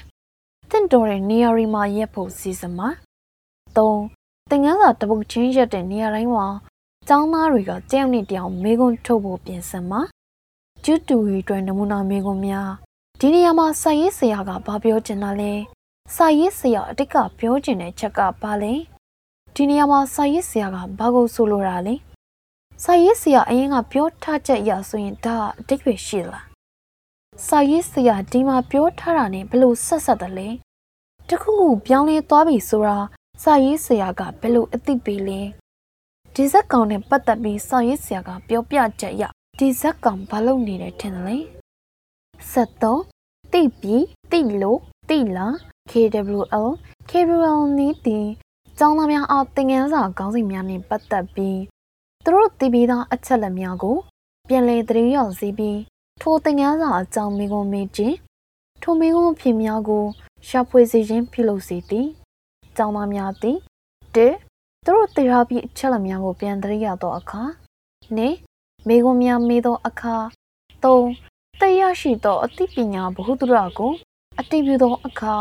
ပုံမကောင်းမွန်စွာသင်ယူတမြောက်သည် KWL နည်းသည်အဆိုပါအချက်၃မျိုးစလုံးကိုလှုပ်ဆောင်နိုင်ရန်စီစဉ်ပေးသည်ဆလေးနှစ်ဦးတွဲဖက်နှစ်ဦးရဲကျင်းချုံ pair reading pair summarizing စုပေါင်းသင်ယူမှုနည်းများကဲ့သို့ အိနည်းသည်ကျောင်းသားများကိုမိမိတို့တဦးချင်းဖြစ်စေအချင်းချင်းဓမ္မဖြစ်စေသင်ယူမှုတွင်ကိုယ်တိုင်ကိုယ်ကျဥဆောင်ပါဝင်စေသောနည်းဖြစ်သည်စစနီအမျိုးမျိုးကိုအပိရန်ရွရွပြီးနားလည်သဘောပေါက်မှုကိုအဓိကအပိသောနည်းဖြစ်သည်15လေးလာရန်လင်းညွန်များ story guides လေးလာရန်လင်းညွန်တွေဟာဆရာရီမရှိတောင်မှသင်တန်းသားတွေဟာဖတ်ခိုင်းထားတဲ့ဖတ်စာကို ကိုယ့်ဟာကိုယ်ဖတ်နေချိန်မှာသူတို့ရဲ့လေးလောင်မှုနီးစဉ်ကိုအထောက်ကူပေးပါတယ်။လေးလောင်ရင်လက်ညှိုဟာရေးထားတဲ့စာထဲမှာဆက်ဆက်နေတဲ့အတွေးခေါ်တွေကိုတင်နန်းသားတွေတပုံလုံးဖတ်နေရတော့ဂေယုပြုမိစေပြီးဖတ်ပြီးတဲ့အခါဆွေးနွေးပွဲငယ်တွေပြုလုပ်ဖို့ထောက်ပံ့ပေးပါတယ်။ဝေဖန်ပိုင်းခြားစဉ်းစားမှုကိုမြင့်တင်မှုရာအောက်ပါလုပ်ငန်းစဉ်မှာပါတဲ့လေးလာရင်လင်းညွန်တွေကထိရောက်ပါတယ်။၁ တနန်းသားတွေကိုရှုပ်ထွေးတဲ့အတွေးခေါ်တွေသို့မဟုတ်ကိုယ့်ဟာကိုကောက်ချက်ချဖို့ခဲရင်နဲ့အတွင်းမြင်ကလေးတွေနားလည်ဖို့အထောက်အကူပေးပါတယ်။စာကိုတတိချာချာဖတ်တာကိုတော့အစာမထိုးပါဘူး။၃အစစ်နိုင်မှာဝေဖန်ပိုင်းခြားစဉ်းစားခြင်းတို့အစစ်မြင့်စဉ်းစားခြင်းလုပ်စေပါတယ်။၄သူ့ကို၃ကို၃ရမယ်ဆိုတဲ့ရွေချက်တစ်ခုတည်းအတွက်မဟုတ်ဘဲဆွေးနွေးပွဲသို့မဟုတ်စာရေးဖို့စပေးလိုက်ဖို့သုံးပါတယ်။ဆက်ချ နှစ်ပိုင်းပါမှတ်တဲ့ Dual Entry Diaries ဒိုရဲစာဖတ်ရာတွင် စာကိုဂယုတစိုက်ဖတ်စီရင်နှင့်စာနှင့်ချိတ်ဆက်၍ပေါ်လာသောအတွေးကိုချရင်းနိုင်ရင်ပြင်ဆင်ထားသောလွယ်ကူသည့်နည်းလမ်းဖြစ်သည်ကြပြဖတ်ရာတွင်အသုံးဝင်သည်စကွန်အခြားတုတ်ပြန်ချက်များအတွက် journal other response journals ဆရာပေးသောအကြောင်းအရာမိဂုံမော်တွင်ကျောင်းသားများ၏တုတ်ပြန်ချက်ကိုဖော်ပြရန်အတွက်သုံးသောနည်းစနစ်ဖြစ်သည် ဥပမာသင်ခန်းစာတွေတွင်တင်သဘောမတူသောအတွေးခေါ်အယူဆသုံးခုကိုဖော်ပြပါစာရေးဆရာဖုံးကွယ်ထားသောအချက်ကိုရှာပါအဆိုပါမိကုံးများအတွက်ကျောင်းသားများ၏တုံ့ပြန်ချက်များကိုဂျာနယ်ထဲတွင်ရေးသားသွင်းသည်ဆက်ရှိဂျက်ဆောနီးဖြင့်စပေါင်းစာဖတ်ခြင်းဂျက်ဆောရီဒီလေးလောင်တင်ယူရမည့်အကြောင်းအရာပေါ်ဆရာကမိကုံးများပြင်ဆင်ထားမည် ကျောင်းသားများကိုအရေးအတွက်တူညီစွာပါဝင်သည့်မူလအပွဲများ home cruise ဖွဲ့ပေးမည်မိကုန်းတစုံစီအတွက်မူလဖွဲ့တီးတီးမှတယောက်စီပါဝင်သော train ကျင်ဖွဲ့များ expert cruise ဖွဲ့ကစပေါင်းလေ့လာစေမည်ထို့နောက်မူလဖွဲ့သို့ပြန်၍မိမိတို့ကျွမ်းကျင်တက်မြောက်ခဲ့သည့်အကြောင်းအရာများကိုတယောက်တလေမျှဝေကြမည်မတ်ချက်ဂျက်ဆော့တစ်နှင့်ဂျက်ဆော့နှစ်ကိုတရုပ်ပြရင်စကို သင်္ကေတမှတ်၍စဖတ်ခြင်းကောင်းမွန်စွာဆင်ခြင်သုံးသက်သောစဖတ်ခြင်းရရှိရန်မိကိုမြဖြည့်ဆက်ဆက်ပေးရန်မိမိတင်ရရရှိမှုကိုခိုင်မာစေရန်ဤစဖတ်နင်းကိုအသုံးပြုသည်၁စာပိုက်တွင်သိပြီးသားအကြောင်းအရာများကို correct သင်္ကေတဖြင့်အမှတ်သားပြုမိအရင်ကမသိဘူး၍ယခုမှသိသောအသိများကို plus သင်္ကေတပြုမိမိမိသိထားသောအကြောင်းအရာများနှင့်ကွဲလဲသောအကြောင်းအရာများတွေ့ရှိပါက minus သင်္ကေတပြုမိမိမိတို့၏တေဟောင်းကိုစိတ်ရှုပ်တွေးစေသော နားမလည်ဖြစ်စေသောစာပိုင်များကို question ပြမည်မိမိတို့၏မှတ်တမ်းချက်လက်များကိုဇယားစိတ်၏အခြားတမ်းပုံများဖြင့်ဖလှယ်ဝင်မြမည်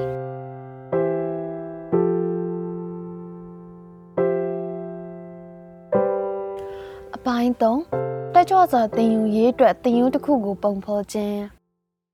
တက်ကြွစွာတင်ယူမှုကိုအခြေပြုသောတင်ယူတစ်ခုကိုညီတို့စီစဉ်သည်နည်းအကြောင်းအရာတစ်ခုကိုကောင်းစွာတက်မြောက်အောင်သင်ကြားပေးနိုင်သည့်တင်ယူတစ်ခုကိုစီစဉ်နိုင်သည့်နည်းလမ်းပေါင်းများစွာရှိပါသည်သို့တော်လည်းယခုလမ်းညွန်စာအုပ်၏စာတွင်တက္ကသိုလ်အဆင့်သင်ကြားမှုရည်မှန်းချက်သည်ဘာသာရေးနယ်ပယ်ဆိုင်ရာအသည့်နှင့်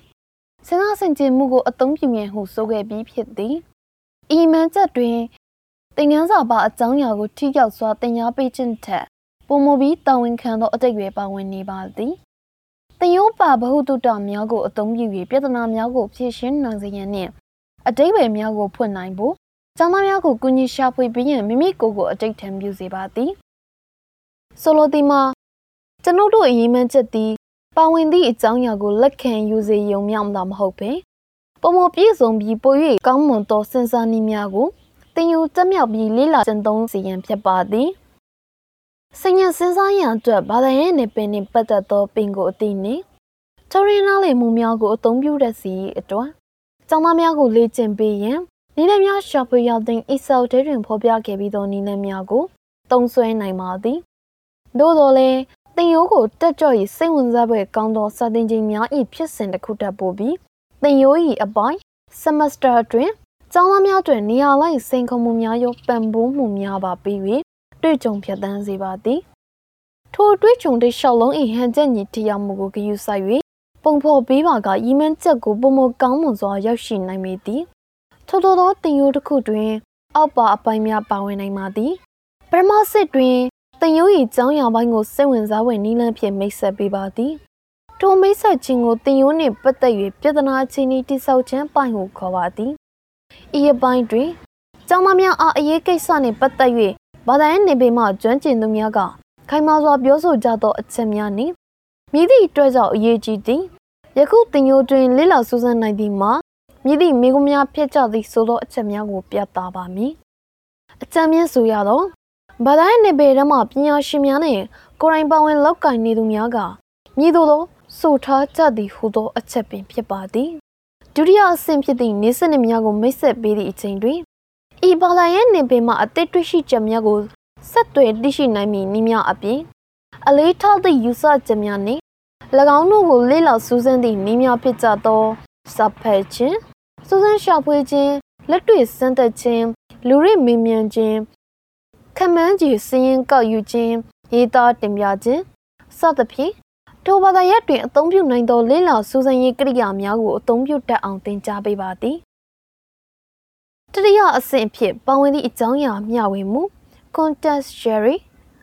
သင်ရတာတစ်လျှောက်လုံး၏ဂျာကာလာအတွင်ပမောက်ခကဝင်ရောက်ဖြည့်ဆည်းပေးနေရပါမည်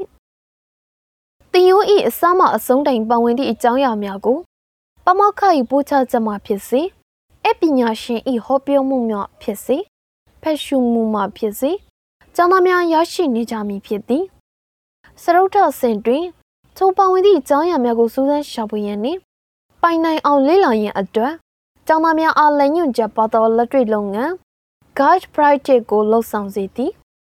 ထိုအဆင့်တွင်ကျောင်းသားများသည်စုံစမ်းမှုနှင့်ဆက်သွယ်ပြောဆိုမှုများကိုပမောက္ခ၏နိကကြီးကြပ်မှုဖြင့်စမ်းသပ်လှုပ်ဆောင်ကြရသည်ထိုလုပ်ငန်းများသည် အချိန်တိုလုပ်ငန်းတာဝန်ပေးချက်များဖြစ်ကြပြီးလက်ငင်းဝေဖန်အကြံပြုချက်များကိုလည်းရရှိစေပါသည်နောက်ဆုံးအဆင့်တွင် ပါဝင်သည့်ကျောင်းရနှင့်ပတ်သက်၍တိုးချဲ့လေ့လာရမည့်လုပ်ငန်းနှင့်ကျောင်းသားများကိုရင်ဆိုင်တွေ့ပေးပြီးဆရာနှင့်ကျောင်းသားများထံတင်ပြစရာတစုံတရာမတွေ့မချင်းလွတ်လပ်ခွင့်အနေနဲ့အများဆိုသလိုပေးကလှုပ်ဆောင်စေပါသည်ထို့သောပြဿနာချင်းဤတိဆောက်ခြင်းဤစနစ်မိတ်ဆက်ခြင်းအကြောင်းအရာမျှဝေခြင်းလဲညွန်ချက်ပေါ်သောလက်တွေ့လုပ်ငန်းနှင့်ထတိုးလေးလာမှုလုပ်ငန်းဟုသောအဆင့်50လုံးကိုကျောင်းသားများကလေးလာသုံးသပ်ပြီးတော့အခါ ဘာသာရပ်တွင်လေးလာမှုပြုမိမိခွန်းအတွက်ဘ ਹੁ ပြုယူဆချက်များကိုသိရှိသွားရုံများမကထိုနယ်ပယ်တွင်တက်ကြွစွာလေးလာသူနှင့်ဝေဖန်ပိုင်းခြားစဉ်းစားနိုင်သူများဖြစ်လာကြတော့သည်တုံးကပြဿနာချင်းနေတိဆောက်ခြင်းအပိုင်း problem setting phase ပြဿနာချင်းနေတိဆောက်ခြင်းအပိုင်းတွင်တင်ယူဤခြုံငုံမြင်ကွင်းကိုပြောပြပြီး တင်ယူကိုလွှမ်းခြုံမိစေမည့်အဓိကမိကုံများဤရေးပပုံများနဲ့တကွာရှင်းရှင်းလင်းလင်းမြင်အောင်မိတ်ဆက်ပေးပါသည်ကျွန်ုပ်တို့ဤမှန်ချက်သည်ကျောင်းသားများကိုတင်ယူတွင်းမှသိရှိစေရများကိုပြင်ပလောကကြီးတွေကအကြောင်းအရာများအားသူတို့ဤတွေးခေါ်ပုံများနှင့်ပေါင်းစည်းပေးရန်ဖြစ်သည်တင်ယောပါအကြောင်းအရာသည်လူသားအတွက်မြည်တို့အကျိုးဖြစ်စေပုံနှင့်ပညာရဲ့အဖြစ်လေးလာတဲ့သည့်အရာများဖြစ်ရပုံကိုသိထားဖို့လိုပါသည် ပြဿနာချင်းဤတိဆောက်ခြင်းပိုင်းတွင် အသုံးပြုနိုင်သောနည်းစနစ်အချို့ရှိပါသည်ဖြစ်ရလေးလာချက်များ case studies ဖြစ်ရလေးလာချက်များသည်ဖြစ်ရမှန်များဖြစ်ပြီးပညာရှင်ကသက်ဆိုင်ရာနယ်ပယ်ရဲ့အရေးကိစ္စကိုကင်တွယ်ဖြေရှင်းပုံများကိုအကျဉ်းချုပ်ဖော်ပြတတ်ချက်များဖြစ်ကြသည်ဥပမာအဖြစ်စိတ်ဖွံ့ဖြိုးမှုပညာရေးတင်ယူတစ်ခုတွင်စစ်ဘေးသင့်မိဝမယ်ကလေးများအား ဖွံ့ဖြိုးမှုဝန်ကျင်ဤတက်ရောက်မှုများကိုဖော်ပြလျင်အသင်းဖွဲ့များကစောင့်ရှောက်ပုံဤအကျိုးရလဒ်ဖြစ်စဉ်များအား display ဤဖော်ပြချက်စရန်တစ်ခုရှိပါသည်ထိုစရန်ကိုဖွံ့ဖြိုးမှုဆိုင်ရာအမွေစက်ခံမှုဤအကျိုးသက်ရောက်မှုများကိုဖော်ပြထားသော Michael Butchers တင်ပြသည်ပြန်လည်စုံစည်းမိသောတက်တူညီအမွာများအကြောင်းလေးလာချက်စရန်နှင့်လူမှုရေးနှင့်မျိုးရိုးစည်းဝအမွေခံမှုများကိုညှင်းပယ်က Jane Gabrino တင်ပြထားသည့်စိုးသွင်းကလေးငယ်များ၏လောက်ရက်ကိုလေးလာချက်ကဲ့သို့သောစရန်သုံးဆောင်ဖြင့်လုပ်ငန်းစတင်နိုင်ပါသည်ထိုစရန်သုံးဆောင်သည်ထိုပညာရဲ့နေပင်နှင့်ပတ်သက်သောအဓိကကြသည့်လက်ရှိစဉ်းစားပုံစဉ်းစားနည်းများဖြစ်ကြသည်ထိုဘာသာရဲ့နေပင်လေးလာမှုသည်အဘဲကြောင့်ကျွန်ုပ်တို့အတွက်ရေးပါကြောင်းနဲ့လည်းချိတ်ဆက်မိစေပါသည်ဥတီတော်မိကုံးများ focusing questions ဘာသာရေးနေပေကိုများစွာလမ်းခြုံသောမိကုံးများကိုကျောင်းသားများအားတင်ရိုးတစ်ခု၏အပိုင်းတွင် ပေးထားသင့်ပြီးကျောင်းသားများ၏နားလည်မှုတိုးတက်လာသည့်အတိုင်းအတာကိုပြသရန်ရန်ဖန်ရင်ခါပြင်လင်းချိတ်ဆက်စေတတ်မှသည်ရသစာပေသည်ကျွန်ုပ်တို့အားမြင့်သည့်နည်းလမ်းများဖြင့်အကျိုးပြုသည်နီရိုမေးနီးယားရသစာပေလောကတွင်ထင်ရှားသည့်ကြပြဆရာများမှာညီသူတို့ဖြစ်သည်နီမြည်တို့ဆုံးဖြတ်ရွေးချယ်သည်နီ မျိုးရိုးလိုက်မှုဟူသည်မြည်တို့သောအရာနည်းစင်ရွယ်နံပါမှုအပဲ့ကြောင့်ဖြစ်နေရသည်နီဥရောပအလဲပိုင်းနိုင်ငံများအတွက်မြည်သည့်စီးပွားရေးစနစ်ကအကောင်းဆုံးဖြစ်မည်နီဒုက္ခသို့သောမိကုံများဖြစ်ကြပါသည်ကုရ်အာန်ရေးထုတ်ပတိဆိုင်ရာဖော်ပြချက်များ autobiographical statement တင်ယုံ၏ပမခသည်ဤဘာသာရဲ့နှစ်ပင်တွင်ကျွမ်းကျင်ပညာရှင်ဖြစ်နိုင်မည်နည်းလမ်းကိုမိတို့တွေ့ရှိခဲ့ကြောင်းကို မိမိအကြောင်းဟောပြောချက်တစ်ခုပို့ချပေးနိုင်ပါသည်ဤဘာသာရဲ့နယ်ပယ်တွင်ပမောက္ခအားညွတ်ယူဖန်ဆားခဲ့သောအချက်သည်အဘယ်နည်းယနေ့ခေတ်တွင်ဤဘာသာရေးနှင့်ပတ်သက်၍မိသည့်အရာကစိတ်ဝင်စားဖွယ်အကောင်းဆုံးဖြစ်သည်ဟုပမောက္ခကမြင်သည်။ဤဘာသာရေးနယ်ပယ်တွင်လေ့လာမှုများသည်နှစ်အလိုက်မြင်ခဲ့သို့ပြောင်းလဲလာကြသည်။ဤဘာသာရေးနယ်ပယ်တွင်အလုံးလုံးနေသူတို့သည်မြည်တို့ရှိနိုင်သည်။ ပမောက္ခအနေနဲ့သူ၏လွတ်ဖို့ကံပဲပညာရှင်တယောက်ကိုလည်းသူ၏ဘဝဇာတ်ကြောင်းကိုပြောပြပေးရန်အတွက်ဆွေးနွေးပွဲဖိတ်ကြား၍စီစဉ်ပေးလိုပါလိမ့်မည်။ဤစာအုပ်၏ရှေ့ပိုင်းတွင်ဖော်ပြခဲ့သည်လက်တန်းအလုပ်ရေးသားခြင်း free rise ကျူတင်မန်ဆော့ရင်လက်ညွန်ချက် anticipation guides နှင့်စဉ်းစားတွေး play think bear share စသည့်နည်းများကိုအသက်တွင်ဖော်ပြခဲ့သည့်ချင်းကပ်နည်းများနှင့်ပေါင်းစပ်၍လည်း ပေါမောက်ခအနေနဲ့အသုံးပြုနိုင်ပါသည်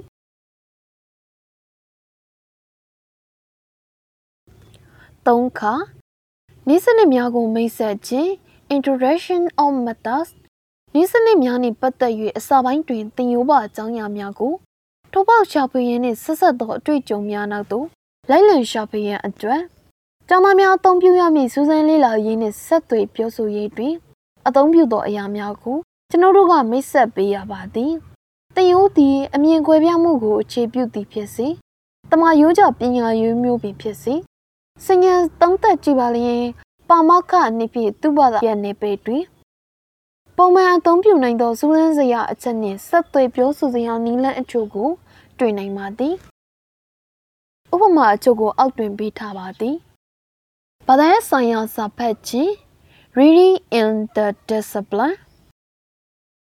ညာရေးဆိုင်ရာဘာသာရပ်တစ်ခုသည် လောကကြီးနှင့်ပတ်သက်သော ပြောစကားတစ်မျိုးပင်ဖြစ်သည် Bradford 1993ဟုအတိတ်တစ်မျိုးကောက်ယူနိုင်ပါသည်ထိုပြောဆိုချက်တွင်ကိုပိုင်ဝေါဟာရရွေးချယ်မှုများကိုပိုင်ကြောင်းကျိုးစင်ကြယ်မှုများနှင့်၎င်း၏ကိုပိုင်စင်လာများပါဝင်နေပါသည်အအောင်မြင်ဆုံးကျောင်းသားဆိုသည်မှာထိုဘာသာရေးနှင့်ပတ်သက်၍ဖက်စာများကိုဖတ်ရှုရန်နှင့် ဟောပြောပို့ချချက်များကိုနာယူရန်လိုအပ်သောဝေါဟာရအမျိုးအစားများလုံလောက်စွာရှိနှင့်ထားသူများသာဖြစ်ကြပါသည်တယိုး၏စာပိုင်းသားတွင်နမူနာအဖြစ်တယိုးဝင်ဖက်စာတစ်ပုဒ်ကိုကြာကြာနာနာဖတ်ပြပြီးထိုဘာသာရပ်တွင် ပုံစံတကြရေးသားထားသောစာတစ်ပုဒ်ကိုမြည်တို့မြည်ပုံဖတ်ရမည်ဟုပြသပေးနိုင်ပါသည်ပမခအနေနဲ့အတန်ထွက်ပြီးတွေ့ပြ thinking aloud ၍လည်းဖတ်ပြနိုင်သည် ဆရာကစာကိုအတန်ထွက်၍ဖယင်းကပင်သူဘာကိုရှာဖွေနေသည်အရေးကြီးသောအချက်ဘာကိုတွေ့ရသည် သူစိတ်တွင်ဘယ်မေကွန်းပေါ်လာသည်တို့ကိုရှင်းပြ၍လည်းရပါသည်ယခုစင့်တွင်ထည့်သွင်းနိုင်သောအသုံးပြုစင်းနည်းတစ်ခုမှာအပြန်အလှန်သင်ကြားခြင်းဖြစ်သည်နောက်ထပ်တစ်နည်းမှာစာရေးသူကိုမေကွန်းထုတ်ခြင်း questioning the author ဖြစ်ပါသည် နီးနနီးစလုံးကိုဤလက်ညွန့်စာအုပ်၏နောက်ခန်းတွင်ထည့်သွင်းထားပါသည်အကူကရှာဖွေခြင်းကျွမ်းကျင်မှု reference case ကျောင်းသားများကစာအုပ်များဂျာနယ်များစာပတ်သူအညွှန်းများသို့မဟုတ်အင်တာနက်တို့ကိုသုံးဆွဲလိမ့်မည်ဟုမျှော်လင့်ထားပါသလားထို့သို့မျှော်လင့်ထားပါလျင်သတင်းချက်လက်ရှာဖွေရာတွင်လူတိုင်းလိုအပ်မည်ဖြစ်သော ထိုကျွမ်းကျင်မှုအတွက်အချိန်တစ်ချိန်ပေးထိုက်ပါသည်ပေးပြီးလျင်လဲ လုပ်ငန်းတစ်ခုကိုချက်ချင်းတာဝန်ပေးပြီးထိုကျွမ်းကျင်မှုကိုလက်ငင်းအသုံးချခိုင်းသင့်ပါသည်ဘာသာဆိုင်ရာစရန်ရေးခြင်း writing in the discipline မိမိဘာသာရဲ့နေပယ်ထဲမှာကောင်းမွန်စွာရေးသားထားသောစာပုဒ်နှင့်ညံပြင်းသည့်လေယာတစ်ပုဒ်ကိုပါမောက်ခရိုင်ခွဲခြား၍သိကြပါသည်သို့တော်လည်းထိုကြားနာချက်အောင်ရှင်းပြသည်ကို မတွေ့ရသလောက်ပင်ဖြစ်ကြောင်းကျောင်းသားများကပြောကြသည် စရန်တစောင်ရေးသားတင်ပြခိုင်းလျင်ကြိုတင်၍မြည်တို့သူတေသနာလုပ်ရမည်အကြောင်းအရာကိုမြည်တို့စူးစီးပြီးမြည်တို့ရေးသားတင်ပြရကြောင်းသူတို့ကိုဘယ်တော့မှကြိုတင်မပြောပြကြဟုဆိုကြပါသည်မိမိတင်ယိုတွင်မြည်တို့မြည်ပုံရေးသားရမည်ကိုရှင်းလင်းအောင်လုပ်ပေးကြသည့်ပမခတိုင်းအပအစီများကိုလှုပ်ဆောင်ကြရပါသည်တင်သည်စရန်ရေးသားတင်ပြရန်ခေါင်းစဉ်တစ်ခုပေးတော်မူဆိုလျင်လှုပ်တင်သည်များမှာ ၁ကျောင်းသားများကိုမခိုင်းမိမှာပင်တင်ကိုယ်တိုင်ကပြီးစီးအောင်လုပ်ထားရမည်။သို့မှသာစရန်တွင်ပါဖို့ရန်မျှော်လင့်ထားသည်တို့ကိုသင်နားလည်ပြီးလိမ့်မည်။နေ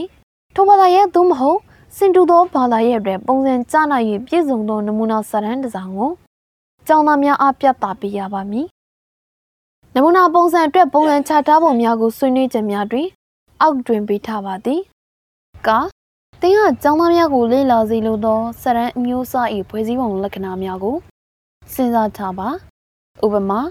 စာရေးသူနှစ်ဦး၏စရန်များကိုနှိုင်းရှင်ပြမည်ဆိုလျင်ကျောင်းသားများကိုပြုလုပ်စေလိုသောအချက်တို့မှာ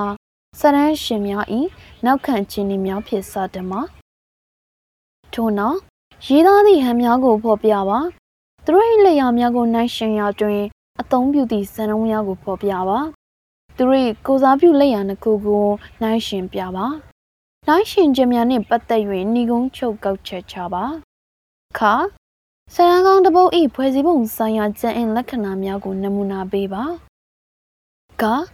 ထိုနမူနာမှလိလောင်တင်ယူသည့်ချက်များကိုကျောင်းသားများနှစ်သက်သည့်အထိဆွေးနွေးညီနိုင်ပါကထိုစရံများရေးသားရာတွင်လှုပ်ဆောင်ရမည့်အစဉ်များကိုဖော်ပြပါငါ အတန်းတွင်မာပင်ចောင်းသားများအားစရန်ဤပုံချမ်းကိုရေးသားခိုင်းပါစာထိုပုံချမ်းများကိုဝေဖန်ချက်ပေးပါစာထိုစရန်မျိုးရေးသားရာတွင် အသုံးပြုရမည့်ကျန်းညိုများအတွက်ညွှန်ကြားချက်ကိုဇယားချ၍ရေးပြပါတွေ့ဆုံမေးမြန်းမှုများပြုလုပ်ခြင်း conducting interview တင်ရိုးတစ်ခုနှင့်ပတ်သက်၍မကြာခဏအကြည့်ရှမ်းပြီးသတင်းချက်လက်ပေးနိုင်သောတက်ရှိလူသားများကိုမမြင်ဘဲရှိတတ်ကြသည် သို့တော်လည်းကျောင်းသားများအားလွှဲသည့်ဤစနစ်များကိုကောင်းစွာသင်ကြားဖြည့်ဆည်းပေးပြီးသတင်းရင်းမြစ်ပေးနိုင်သူတယောက်ကို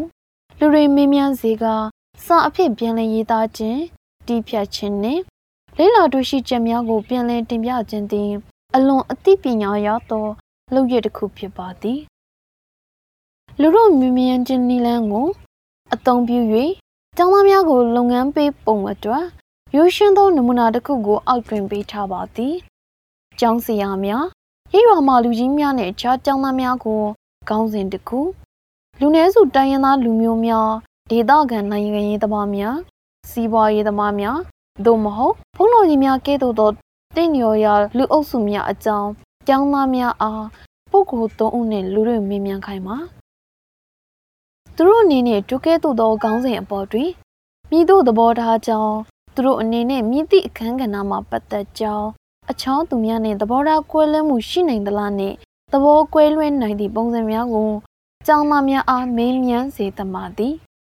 ထိုမေးမြန်းသိရှိချက်များကိုမဆုထုတ်ပြီးမိမိအုပ်စုထံသို့ယူလာစေရပါမည်လူတွေမေးမြန်းခြင်းတွင်ရိုးရှင်းသောပုံစံမှသည်နှုတ်ပြောသမိုင်းများကိုရိုင်းရဲ့ထုတ်ပတိများတွဲဖက်ရေးသားခြင်းနှင့်လူမျိုးစုကြောင်းရာစရင်ကောက်ယူခြင်းကဲ့သို့ အလွန်ရှုပ်ထွေးသောပုံစံများအထိမျိုးစုံရှိပါသည်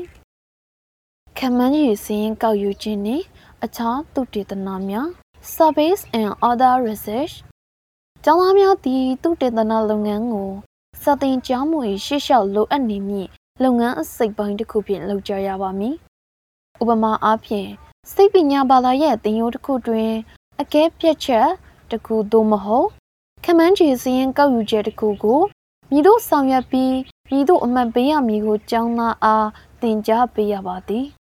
ထိုနီလန်းဖြင့်သူတို့စုဆောင်းရရှိခဲ့သောသတင်းချက်လက်များကိုသင်ရိုး၏လမ်းညွှန်ထားသောအယူအဆဂါရီကွန်ဆက်အတိုင်းစီစစ်လှုပ်ဆောင်ပြီးအကျိုးရှိသောသင်ယူမှုဖြစ်အောင်လှုပ်ဆောင်နိုင်ပါသည်သုံးကအကြောင်းအရာမျှဝေခြင်း content sharing အကြောင်းအရာမျှဝေခြင်းသည် ပါမောက္ခများအကောင်းဆုံးလုပ်ပြနိုင်သောလုပ်နေကြအရာပင်ဖြစ်ပါသည်အကြံဉာဏ်ထွက်ပေါ်စေခြင်းအတိတ်ပဲပုံဖော်ခြင်းပြန်လည်စဉ်းစားခြင်းမူပေါင်းအတွင်းမှဤစနစ်များဤဆောက်ခြင်းမှာပင်နောက်အခန်းများတွင် တင်ပြသွားမည့်ဤပြူဟာများစွာတို့သည်အကြောင်းအရာမျှဝေရာတွင်အသုံးပြုရန်အတွက်စံထား၍သုံးဆွဲသည့်အရာများဖြစ်ကြပါသည်အရှိန်မြင့်ထားသောပို့ချချက် the enhanced lecture တီးပြီး တိလို့တိလာလုပ်ငန်းစဉ် the know want to know learn procedure နှစ်ဦးတွဲ၍စာဖတ်ခြင်းနှစ်ဦးတွဲ၍အနှစ်ချုပ်ခြင်း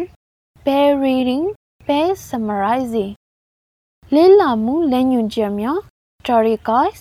ရုပ်ပုံကားချက်စရာဖြင့်စူးစီးဖော်ပြခြင်း graphic organizers ကျေဆောလုပ်ငန်းစဉ် the jigsaw procedure တငန်းစာရေးနှစ်သားရကို ကျောင်းသားများကအထီးရောက်ဆုံးထိတွေ့နိုင်မည်နည်းလမ်းဖြင့်ဝင်မြနိုင်ပါသည်နေ့စဉ်လုပ်ငန်းတွင်အကျဉ်းချုပ်ထွက်ပေါ်စေခြင်းအတိတ်ပဲပုံဖော်ခြင်းပြန်လည်စဉ်းစားခြင်း ERR မူပေါင်းဖြင့်တင်ကြားရေးလုပ်ငန်းကိုပုံဖော်နိုင်ရင်များစွာအကျိုးရှိပါလိမ့်မည်တက္ကသိုလ်ကျောင်းသားများစသင်ခန်းစာအကြောင်းအရာကိုထိတွေ့မှုနည်းနည်းပြီးနားလည်မှုမြင့်မားစေသည့်နောက်ထပ်နည်းလမ်းများကိုပေးပါအောင်မည်။ ဗလန်ဆိုင်ရာစကားလုံးများကိုမိတ်ဆက်ခြင်း introduces term လူမှုရေးသိပ္ပံနှင့်လူမှုရေးရာဘာသာရပ်များအတွက်ဟောဟာရများသည်ကျောင်းသားများစိတ်ထင်ရအတိတ်ပဲကောက်ရရနိုင်သည်များလည်းရှိတတ်ပါသည်။ထို့ကြောင့်မိမိထင်မြင်သလိုအတိတ်ပဲကောက်ခြင်းများကိုဖော်ထုတ်ပေးပြီးအတိတ်ပဲကောက်လွှဲချုံမှုကိုရှင်းလင်းသွားစေနိုင်သောနည်းလမ်းကိုပြသထားပါသည်။ဗဒန်ဆိုင်ရာစကားလုံးများတွင်မိကုံသုံးခု ပမခနီနှင့်အရေးကြီးသောဝေါ်ဟာရများသင်ခန်းစာတွင်သုံးဆွဲရနိုင်မည်ဆိုလျှင်၎င်းဝေါ်ဟာရတို့နှင့်ဆက်ဆက်အကြောင်းအရာများကိုကျောင်းသားတို့၏မှတ်ဉာဏ်ထဲမှပြန်လည်ဖော်ထုတ်ရပါမည်။ထို့သောပြန်ဖော်ထုတ်ရန်အတွက်ဝေါ်ဟာရတစ်ခုစီတိုင်းကိုမေကွန်းသုံးခုမေးရပါမည်။တေဤဝေါ်ဟာရကိုသင်ငန်းစာတွင်သို့မဟုတ်စာဖတ်ရာတွင်မြည်သည့်နေရာ၌မြည်သည့်စကားစက်ဖြင့် သင်တွေ့သည့်ခဲ့ဘူးပါသည်နိနှင့်သည့်အတွေ့အကြုံအရဤဝေါဟာရကိုမြည်သို့နမူနာပြ၍သုံးဆွဲမည်နီ၃ယခုသင်ခန်းစာတွင်ဤဝေါဟာရကိုမြည်သည့်အတိတ်ပဲဖြစ်ကောင်းယူမည်နီအတိတ်ပဲဖွင့်ဆိုချက်များ definitions ဤလေ့ကျင့်ခန်းအတွက်ကျောင်းသားများကိုသင်ခန်းစာခေါင်းစဉ်အောက်မှအဓိကကျသောဝေါဟာရအချို့ကိုအတိတ်ပဲဖွင့်ဆိုမှုပြုလုပ်စေပါသည် ကျောင်းသားများကဝေါဟာရကိုကိုယ်ပိုင်စကားလုံးဖြင့်အတိတ်ပဲဖွင့်ဆိုနိုင်စေရန်စဉ်းစားတွေးဖလဲနီးများအသုံးပြုနိုင်ပါသည်ထို့နောက်အချင်းချင်းပြန်လည်မျှဝေကြပြီးအတွေးချင်းဖလဲ၍အကောင်းဆုံးအတိတ်ပဲဖွင့်ဆိုချက်ရရှိအောင်လုပ်ခိုင်းနိုင်ပါသည်ထိုလုပ်ငန်းစဉ်ကိုနှစ်ယောက်တွဲနှစ်တွဲသုံးတွဲခန့်အချင်းချင်းချိတ်ဆက်ပြီးဆက်လက်လှုပ်ဆောင်ရပါမည်ပုံမကြီးမားသောဖွဲ့များဖြင့် ပုံမကောင်းမွန်သောဖွင့်ဆိုချက်များပြုလုပ်ပြီးဆောင်ရွက်နိုင်ပါသည်နောက်ဆုံးအဆင့်တွင်အဖွဲ့ကြီး၏ကိုယ်စားလှယ်များကမိမိအဖွဲ့၏ဖွင့်ဆိုချက်များအားတဒံလုံးထံမျှဝေနိုင်ပြီးအတန်းကလည်းထိုဖွင့်ဆိုချက်များကိုဝေဖန်ချက်ပေးနိုင်ပါသည်၃ကလမ်းညွှန်ချက်ပါသောလက်တွေ့လုပ်ငန်း guide practice ဘာသာရေး၏အဓိကတန်ဖိုးကိုသိနာလည်မှုအပြင် ဘာသာရေးဆိုင်ရာချက်တွင်လေ့လာမှုလုပ်ရာတွင်စူးစမ်းလေ့လာရေးကိရိယာနှင့်ဆက်သွယ်ရေးကိရိယာများအဖြစ်အသုံးပြုရမည့်အရာများကိုဖြည့်ဆည်းပေးရပါသည်ထို့နောက်တိုးဝလာသောဘ ഹു တုတကိုဘာသာရေးနယ်ပယ်အတွင်ဖြစ်ပေါ်နေသောအရေးအရာများတွင်ထည့်သွင်း၍စဉ်းစားတဲ့စီရင်အတွက်လမ်းညွှန်ချက်ပါသောလက်တွေ့လုပ်ငန်းလိုအပ်ပါသည်တင်ယူ၏လမ်းညွှန်ချက်ပေးထားသောလက်တွေ့လုပ်ငန်းတွင်ကျောင်းသားများအား စူးစမ်းလေ့လာရေးနှင့်ဆက်သွယ်ရေးကိရိယာများကိုလက်တွေ့သုံးစွဲရန်အခွင့်အလမ်းများပေးထားရပါသည်သူ၏လုတ်ပုံကိုင်ပုံများအားဆရာကအနိကကြီးကြပ်မှုပေးပြီးလိုအပ်သောအကြံဉာဏ်များကိုလည်းပေးရပါသည်လမ်းညွှန်ချက်ပါသောလက်တွေ့လုပ်ငန်းပိုင်းတွင် သုံးစွဲနိုင်သောနည်းဗျူဟာများကိုပြီးခဲ့သောအခန်းတွင်ထည့်သွင်းပြသခဲ့ပြီးဖြစ်ပါသည်စာဖတ်ရန်လေ့ကျင့်ခန်းများ reading assignments လေးလောင်တင်ယူမြင့်ဘာသာရေးနယ်ပယ်အတွင်းမှာစာပုတ်အားမြည်တို့ဖတ်ရမည်ကိုပမောက္ခမှကျောင်းသားများအားနီလန်ပြသပေးရန်လူတောင်းကိုအထက်တွင်ဖော်ပြခဲ့ပြီးဖြစ်ပါသည်လူရင်းချက်မှာကျောင်းသားများကိုစမဖတ်တတ်သေးဟုပြောလိုခြင်းမဟုတ်ဘဲယခုဘာသာရေးနှင့်ပတ်သက်၍စရန်ရေးသားတင်ပြရာတွင်ဖွဲ့စည်းတင်ပြပုံနှင့်ပတ်သက်၍ကျောင်းသားများအကျွမ်းတဝင်မဖြစ်နိုင်သေးသောကြောင့်ဖြစ်ပါသည်တရုတ်ပြသူနေဖြင့် အတန်ထွက်၍စဉ်းစား thinking aloud နီစာရေးသူကိုမိကွန်းထုတ်သောနည်း questioning the author strategy နဲ့အပြန်အလှန်သင်ကြားသောနည်းစဉ် reciprocating procedure များကိုလည်းသုံးနိုင်ပါသည်အခက်ခဲနှင့်ရင်ဆိုင်၍စပ်ဖက်ရသောအခြေအနေမျိုးများတွင်အင်္ဂဆက်နည်းစဉ်တီဘီတီလိုတီလာ no want to know လမ်းနီ အတူတွဲဖက်ပြီးအတူတွဲရင်အနှစ်ချုပ်သောနည်းစဉ် pair reading pair summarizing procedure စသဖြင့်ဂယုတဆိုင်ဖတ်ရှုမှုကိုအားပေးသောစာဖနည်းများဤစာအုပ်တွင်စုံစုံလင်လင်ထည့်သွင်းထားပါသည်။သင်ရိုးမအကောင်းစိတ်များအကြောင်းဆွေးနွေးသောအခါဖလဲစူးစမ်းခြင်းလုပ်ငန်းစဉ် share inquiry procedure နောက်ဆုံးစကားပြောခွင့်ပေးပါ see the last word for minute ဆွေးနွေးပွဲကွန်ရက် discussion ဝါ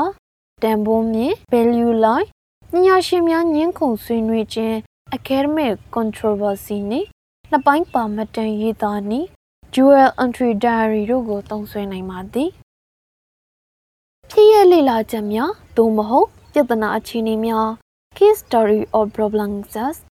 ကျောင်းသားများကအခက်အခဲအခြေအနေများကိုရင်ဆိုင်ဖြေရှင်းရန်အစဉ်သိဖြစ်သည့်အခြေအနေကို ရောက်ပြီဆိုလျင်ပမောက္ခကဖြစ်ရလေ့လာချက်များသို့မဟုတ်ပြဿနာအခြေအနေများကိုတင်ပြလာတော့သည်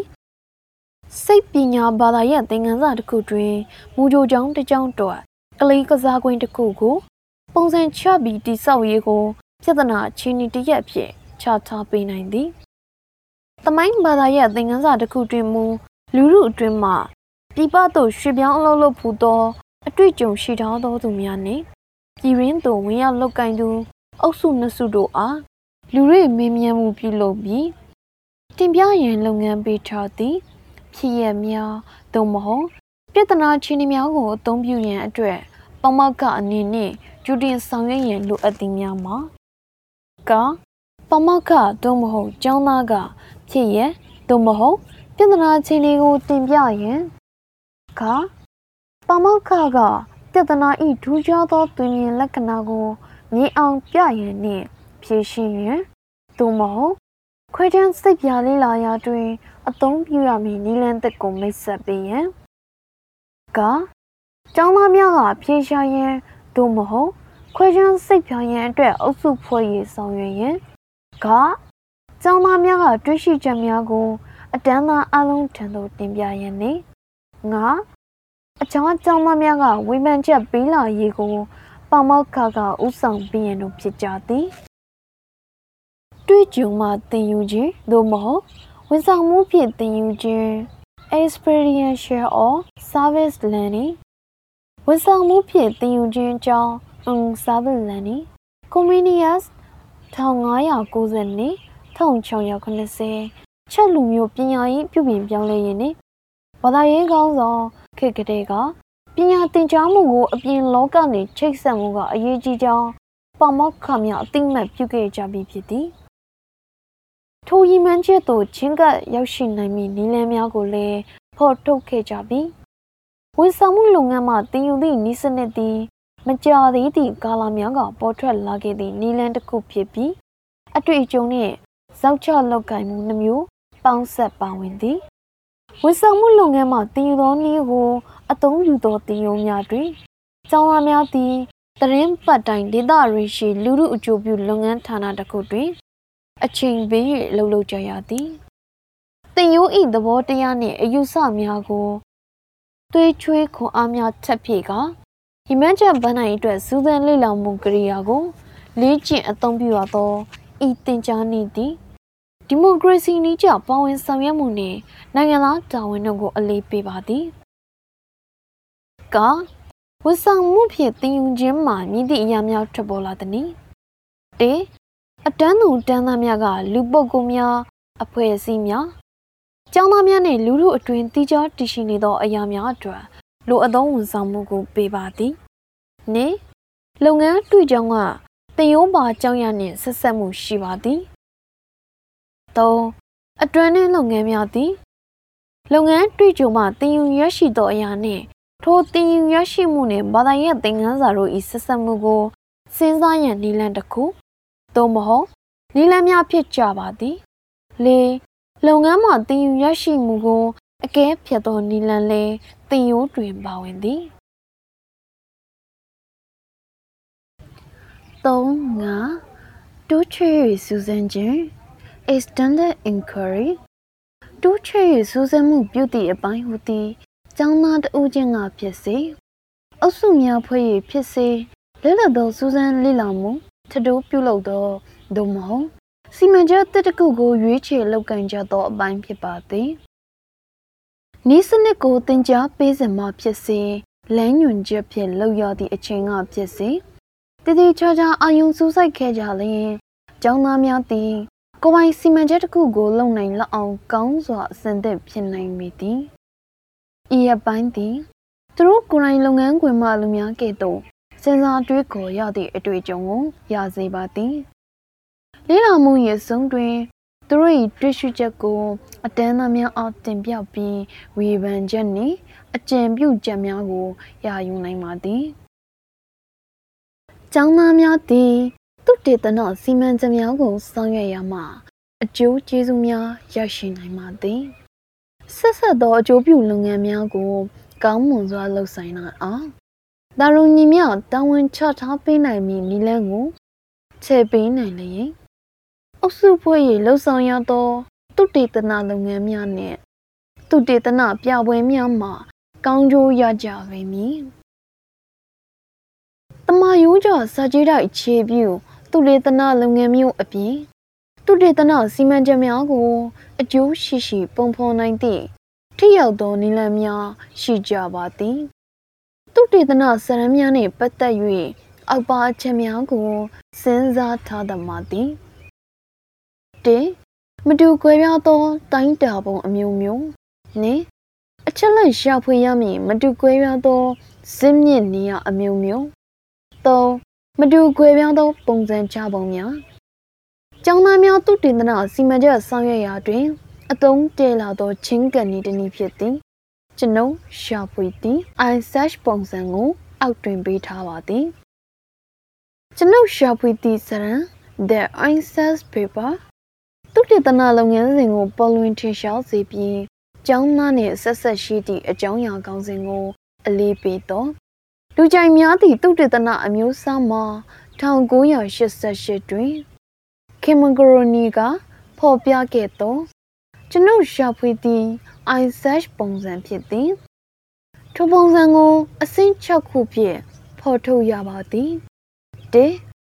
ကျောင်းသားများကလုပ်ငန်းကောင်းစဉ်တစ်ခုအပေါ်မင်းကုန်းများထုတ်ရသည်ကောင်းစဉ်တွင်ထဲထဲဝင်ဝင်စိတ်နေနေချိန်တွင်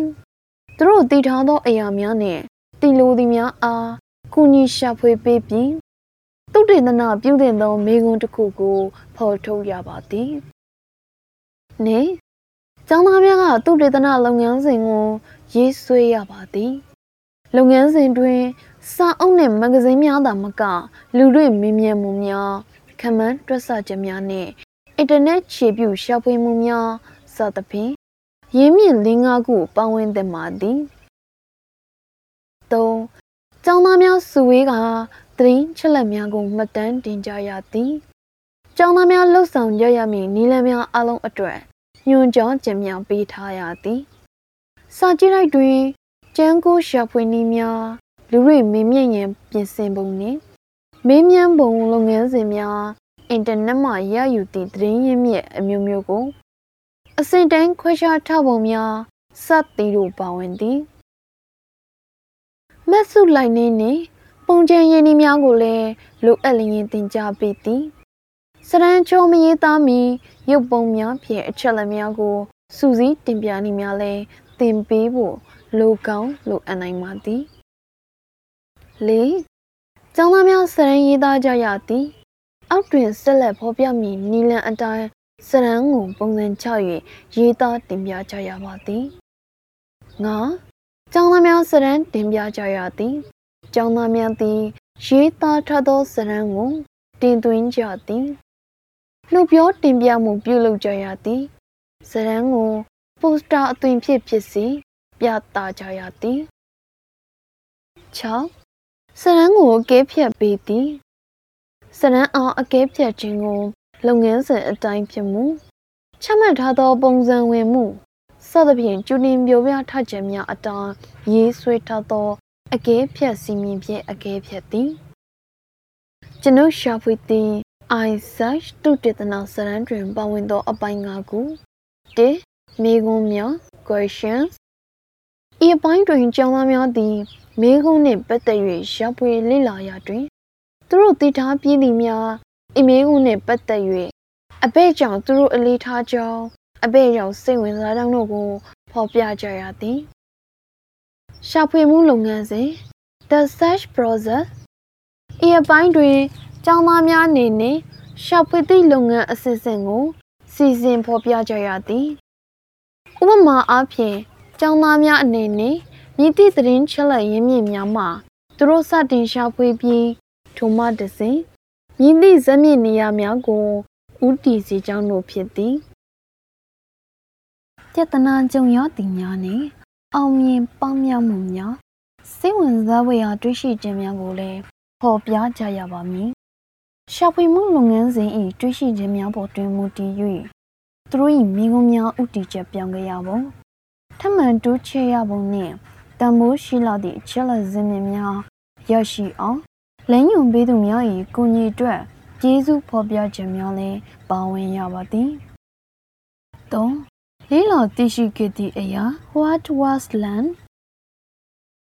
အိန္ဒိယတွင်ကျောင်းသားများအားအဓိကတွေ့ရှိချက်များ၃လေးခုခန့်သို့မဟုတ်ညီကုန်းဆွဲကောက်ယူခြင်းများနှင့်ထို့သောကောက်ယူရာတွင် အထောက်ပံ့ပြုသည့်ဥပမာများဖြစ်ဇလန်းများနှင့်အကြောင်းပြချက်များဖြင့်သူတို့အဘဲကြောင့်ဤသို့ညီကုန်းဆွဲယူရသည်ကို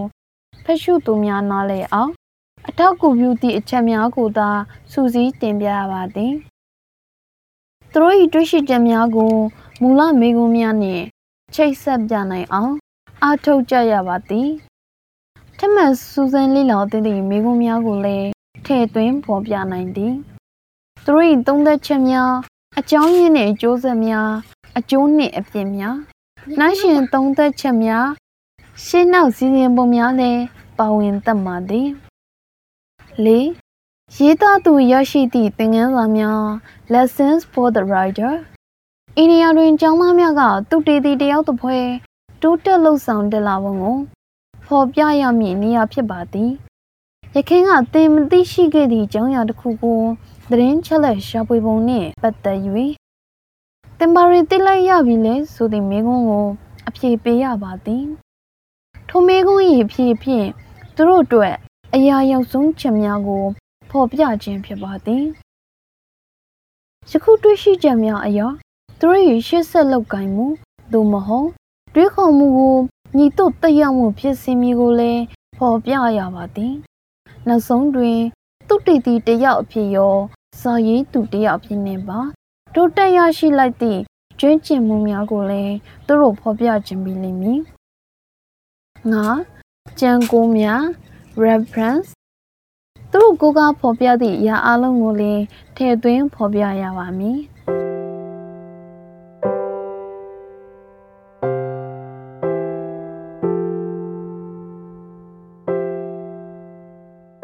အပိုင်းလေး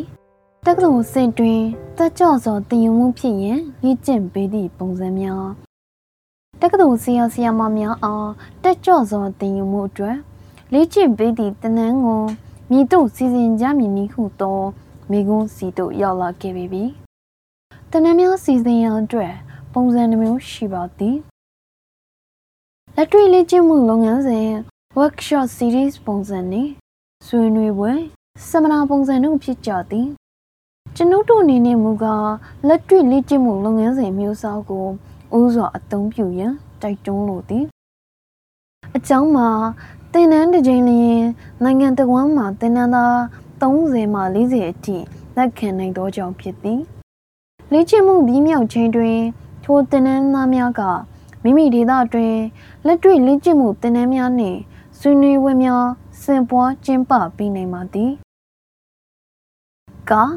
လုပ်ငန်းဆိုင်ရာဆွေးနွေးပွဲပုံစံ workshop series model လုပ်ငန်းဆိုင်ရာဆွေးနွေးပွဲပုံစံကို RWCD တင်နန်းများတွင် အသုံးများသည်လုပ်ငန်းစီစဉ်ဆောင်ရွက်ပုံမှာအောက်ပါတိုင်းဖြစ်ပါသည်တတင်ကြားမှုနည်းစနစ်များကိုလက်တွေ့လေ့ကျင့်မှုလုပ်ငန်းစဉ်ဖြင့်မိတ်ဆက်တင်ကြားပေးပြီးဆွေးနွေးမှုလည်းပြုလုပ်သည်နှင့်တနင်္လာများအနေနဲ့လမ်းညွန်ပြသသောလေ့ကျင့်မှုတွင်ပဝင်ရသည့်အခွင့်အလမ်းများရရှိသည်၃တနင်္လာများအနေနဲ့ ရွေးချယ်ထားသောနည်းစနစ်ကိုမိမိတင်ကြားရေးလုပ်ငန်းတွင်စမ်းသပ်သုံးစွဲကြမည့်အစီအစဉ်များပြုလုပ်ကြပြီးအချင်းချင်းလေးမျှဝေနိုင်သည်၄လက်တွေ့သင်တန်းပြီးတွင်သင်တန်းသားများကသူတို့၏စာသင်ခန်းများအတွင်သင်ကြားမှုနည်းစနစ်များကိုစမ်းသပ်သုံးစွဲကြည့်သည်ငါဒေတာရင်းဆီယာမများအချင်းချင်းထောက်ကူပြုဖွဲ့တွင် ပြင်လည်တွေ့ဆုံကြပြီးနည်းစနစ်အသုံးပြုရသည့်အတွေ့အကြုံများကို ဆွေးနွေးကြသည်အချင်းချင်းပြဿနာများဖြေရှင်းရန်နီးလန်းများအကြံပြုကြသည်6နောက်ထပ်ပြုလုပ်မိလက်တွေ့သင်တန်းတစ်ခု၏စာအုပ်တွင်သင်တန်းသားများ၏တွေ့ကြုံများကိုမျှဝေကြသည်စာသင်ခန်းများ၏စွမ်းဆောင်နိုင်မှုအမြင့်ဆုံးကိုရောက်ရှိစေရန်သင်ကြားမှုနည်းစနစ်များအားမိငန်းအသုံးပြုနိုင်မည့်နည်းလမ်းများကိုဆွေးနွေးကြသည် လက်တွေ့သင်တန်းလေးခုကိုဇက်တိုက်စီစဉ်မှုနမူနာကို အောက်တွင်ဖော်ပြထားပါသည်အစီအစဉ်တစ်ခုလည်း18နာရီခန့်ကြာမြင့်သည်တရက်လျင်6နာရီနှုန်းဖြင့်3ရက်လဲလုံနိုင်ပါသည်လက်တွေ့သင်တန်း1 3ရက်မှ4ရက်ကျွတင်ပြင်ဆင်မိတ်ဆက်တနင်းလုပ်ငန်းစဉ်ခြုံငုံပြောပြခြင်းလိုအပ်ချက်ကိုသုံးသပ်ဖော်ထုတ်ခြင်း ၁တင့်စာသင်ခန်းများ၏ပုံမှန်သွင်းမြင်လက္ခဏာများနေတင်ပြုရင်ပြောင်းလဲလိုသောအရာများ၃တက်ကြွစွာတင်ယူမှုနှင့်ဝေဖန်ပိုင်းခြားစဉ်းစားခြင်းနှင့်ပတ်သက်၍သူတေသနာတွေ့ရှိချက်များတရုတ်ပြသင်ခန်းစာနှင့်လမ်းညွှန်ကြားပါသောလက်တွေ့လှုပ်ဆောင်မှု၁ ER ဘောင်ကိုမိတ်ဆက်ပေးခြင်းနေအရှိန်မြင့်ထားသော butcher enhance lecture 3 ဖလဲစူးစမ်းခြင်း share inquiry 4ဆွေးနွေးပွဲကွန်ရက် discussion web 5မိကုမင်းရန် channel လည်းများ other questioning strategies စစ်ဆေးအကဲဖြတ်ခြင်း assessment ဆွေးနွေးမှုတွင်ကျောင်းသားများ၏ပါဝင်မှုကိုမြင်တို့အကဲဖြတ်မည်နီ ER မူပေါင်းနှင့်သင်တန်းတစ်ခုလုံး၏မူပေါင်း ER frameworks and the whole course framework တရိုးတစ်ခုလုံးအတွက်အစီအစဉ် the whole course plan ပြဿနာတိဆောက်ခြင်းဤစနစ်များကိုမိတ်ဆက်ပေးခြင်းသင်ခန်းစာပါကျောင်းရများကိုမျှဝေခြင်းလမ်းညွှန်ခြင်းပေါ်သောလက်တွေ့လှုပ်ဆောင်ခြင်းတိုးချဲ့စူးစမ်းလေ့လာခြင်းလက်တွေ့လှုပ်ဆောင်ရန်စီစဉ်ခြင်းလက်တွေ့သင်တန်းကိုအကဲဖြတ်ခြင်းဂျာကာလာဆောင်ရွက်ရန်လုပ်ငန်းများ intern activities တင်နန်းသားများကမိမိတို့၏စာသင်ခန်းများတွင်နီးစနစ်များကိုစမ်းသပ်ကြည့်ခြင်းတင်နန်းသားများပြန်လည်တွေ့ဆုံကြပြီးရလဒ်များကိုဆွေးနွေးခြင်းနှင့်နီးစနစ်များကိုပုံမကောင်းမွန်စွာအသုံးချနိုင်ရန်ဆွေးနွေးခြင်းလက်တွေ့တင်နန်းနှင့်၃ရက်မှ၄ရက်ကြိုတင်ပြင်ဆင်မိတ်ဆက်တင်နန်းလုပ်ငန်းစဉ်ခြုံငုံပြောပြသည်တင်နန်းသားများ၏နီးစနစ်အသုံးချမှုများအပေါ်ပြန်လည်သုံးသပ်သည်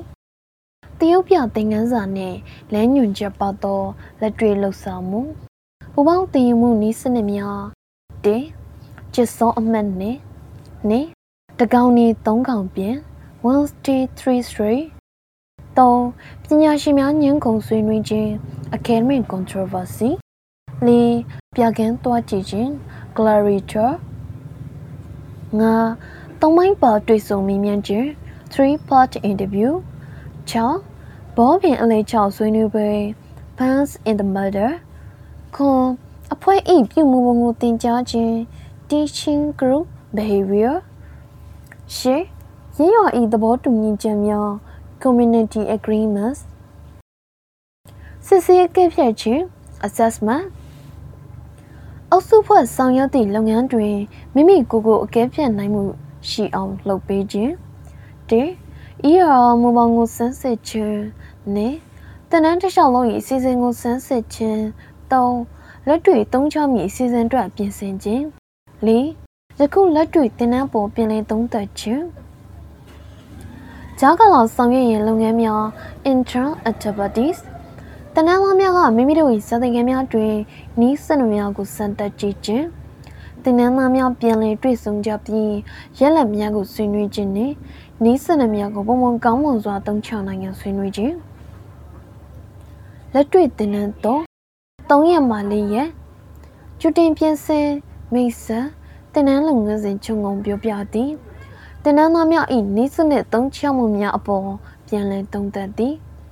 တရုတ်ပြတင်ငန်းစာနှင့်လမ်းညွှန်ချက်ပါသောလက်တွေ့လှုပ်ဆောင်မှုတရုတ်ညွှန်းတလျှောက်ရေးသားခြင်းတရေးသားမှုလုပ်ငန်းစဉ်နမူနာတစ်ခုပြခြင်းနေတုတ်ပြန်ရေးသားမှုမှတ်တမ်း response journals ၃ ကြိုးကြောင်းပြစာစီစာကုံ argumentative essays ၄ကျောင်းသား၏သူရတနာကိုလမ်းညွှန်ခြင်း guided student research ၅ကျွန်ုပ်ရှာဖွေလေ့လာမှုပုံစံ the isearch format 6သုတေသနလေ့လာမှုကြားပုံစံများ other research paper formats စစ်ဆေးအကဲဖြတ်ခြင်း assessment 1 ရေးသားတင်ပြချက်တစ်ခုကိုအကဲဖြတ်နိုင်ရန်စံသတ်မှတ်ချက်ဇယားရေးဆွဲခြင်းနှင့်အကြောင်းသောအကဲဖြတ်နည်းများရရှိအောင်လုပ်ပေးခြင်းနှင့် ER မူပေါင်းကိုစမ်းသပ်ခြင်း၃တင်နန်းရှောင်းလုံး၏စီစဉ်ကိုစမ်းစစ်ခြင်း၄လက်တွေ့သုံးချမည့်စီစဉ်အတွက်ပြင်ဆင်ခြင်း၅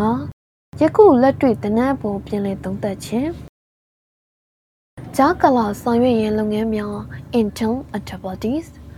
တင်နန်းသားများကမိမိတို့၏စာသင်ခန်းများတွင်နီးစနစ်များကိုစမ်းသပ်ကြည့်ခြင်းတင်နန်းသားများပြန်လည်တွေ့ဆုံကြပြီးရလဒ်များကိုဆွေးနွေးခြင်းနှင့်နီးစနစ်များကိုပုံမှန်ကောင်းမွန်စွာသုံးချနိုင်ရန်ဆွေးနွေးခြင်းလက်တွေ့တင်နန်းလေး၃ရက်မှ၄ရက်၁ပြင်ဆင်မိတ်ဆက်တင်နန်းလုပ်ငန်းစဉ်ခြုံငုံပြောပြသည်နှင့်တင်နန်းသားများ၏နေ့စနစ်သုံးချမှုများအပေါ်ပြန်လည်သုံးသပ်သည်ဤရပုံစံ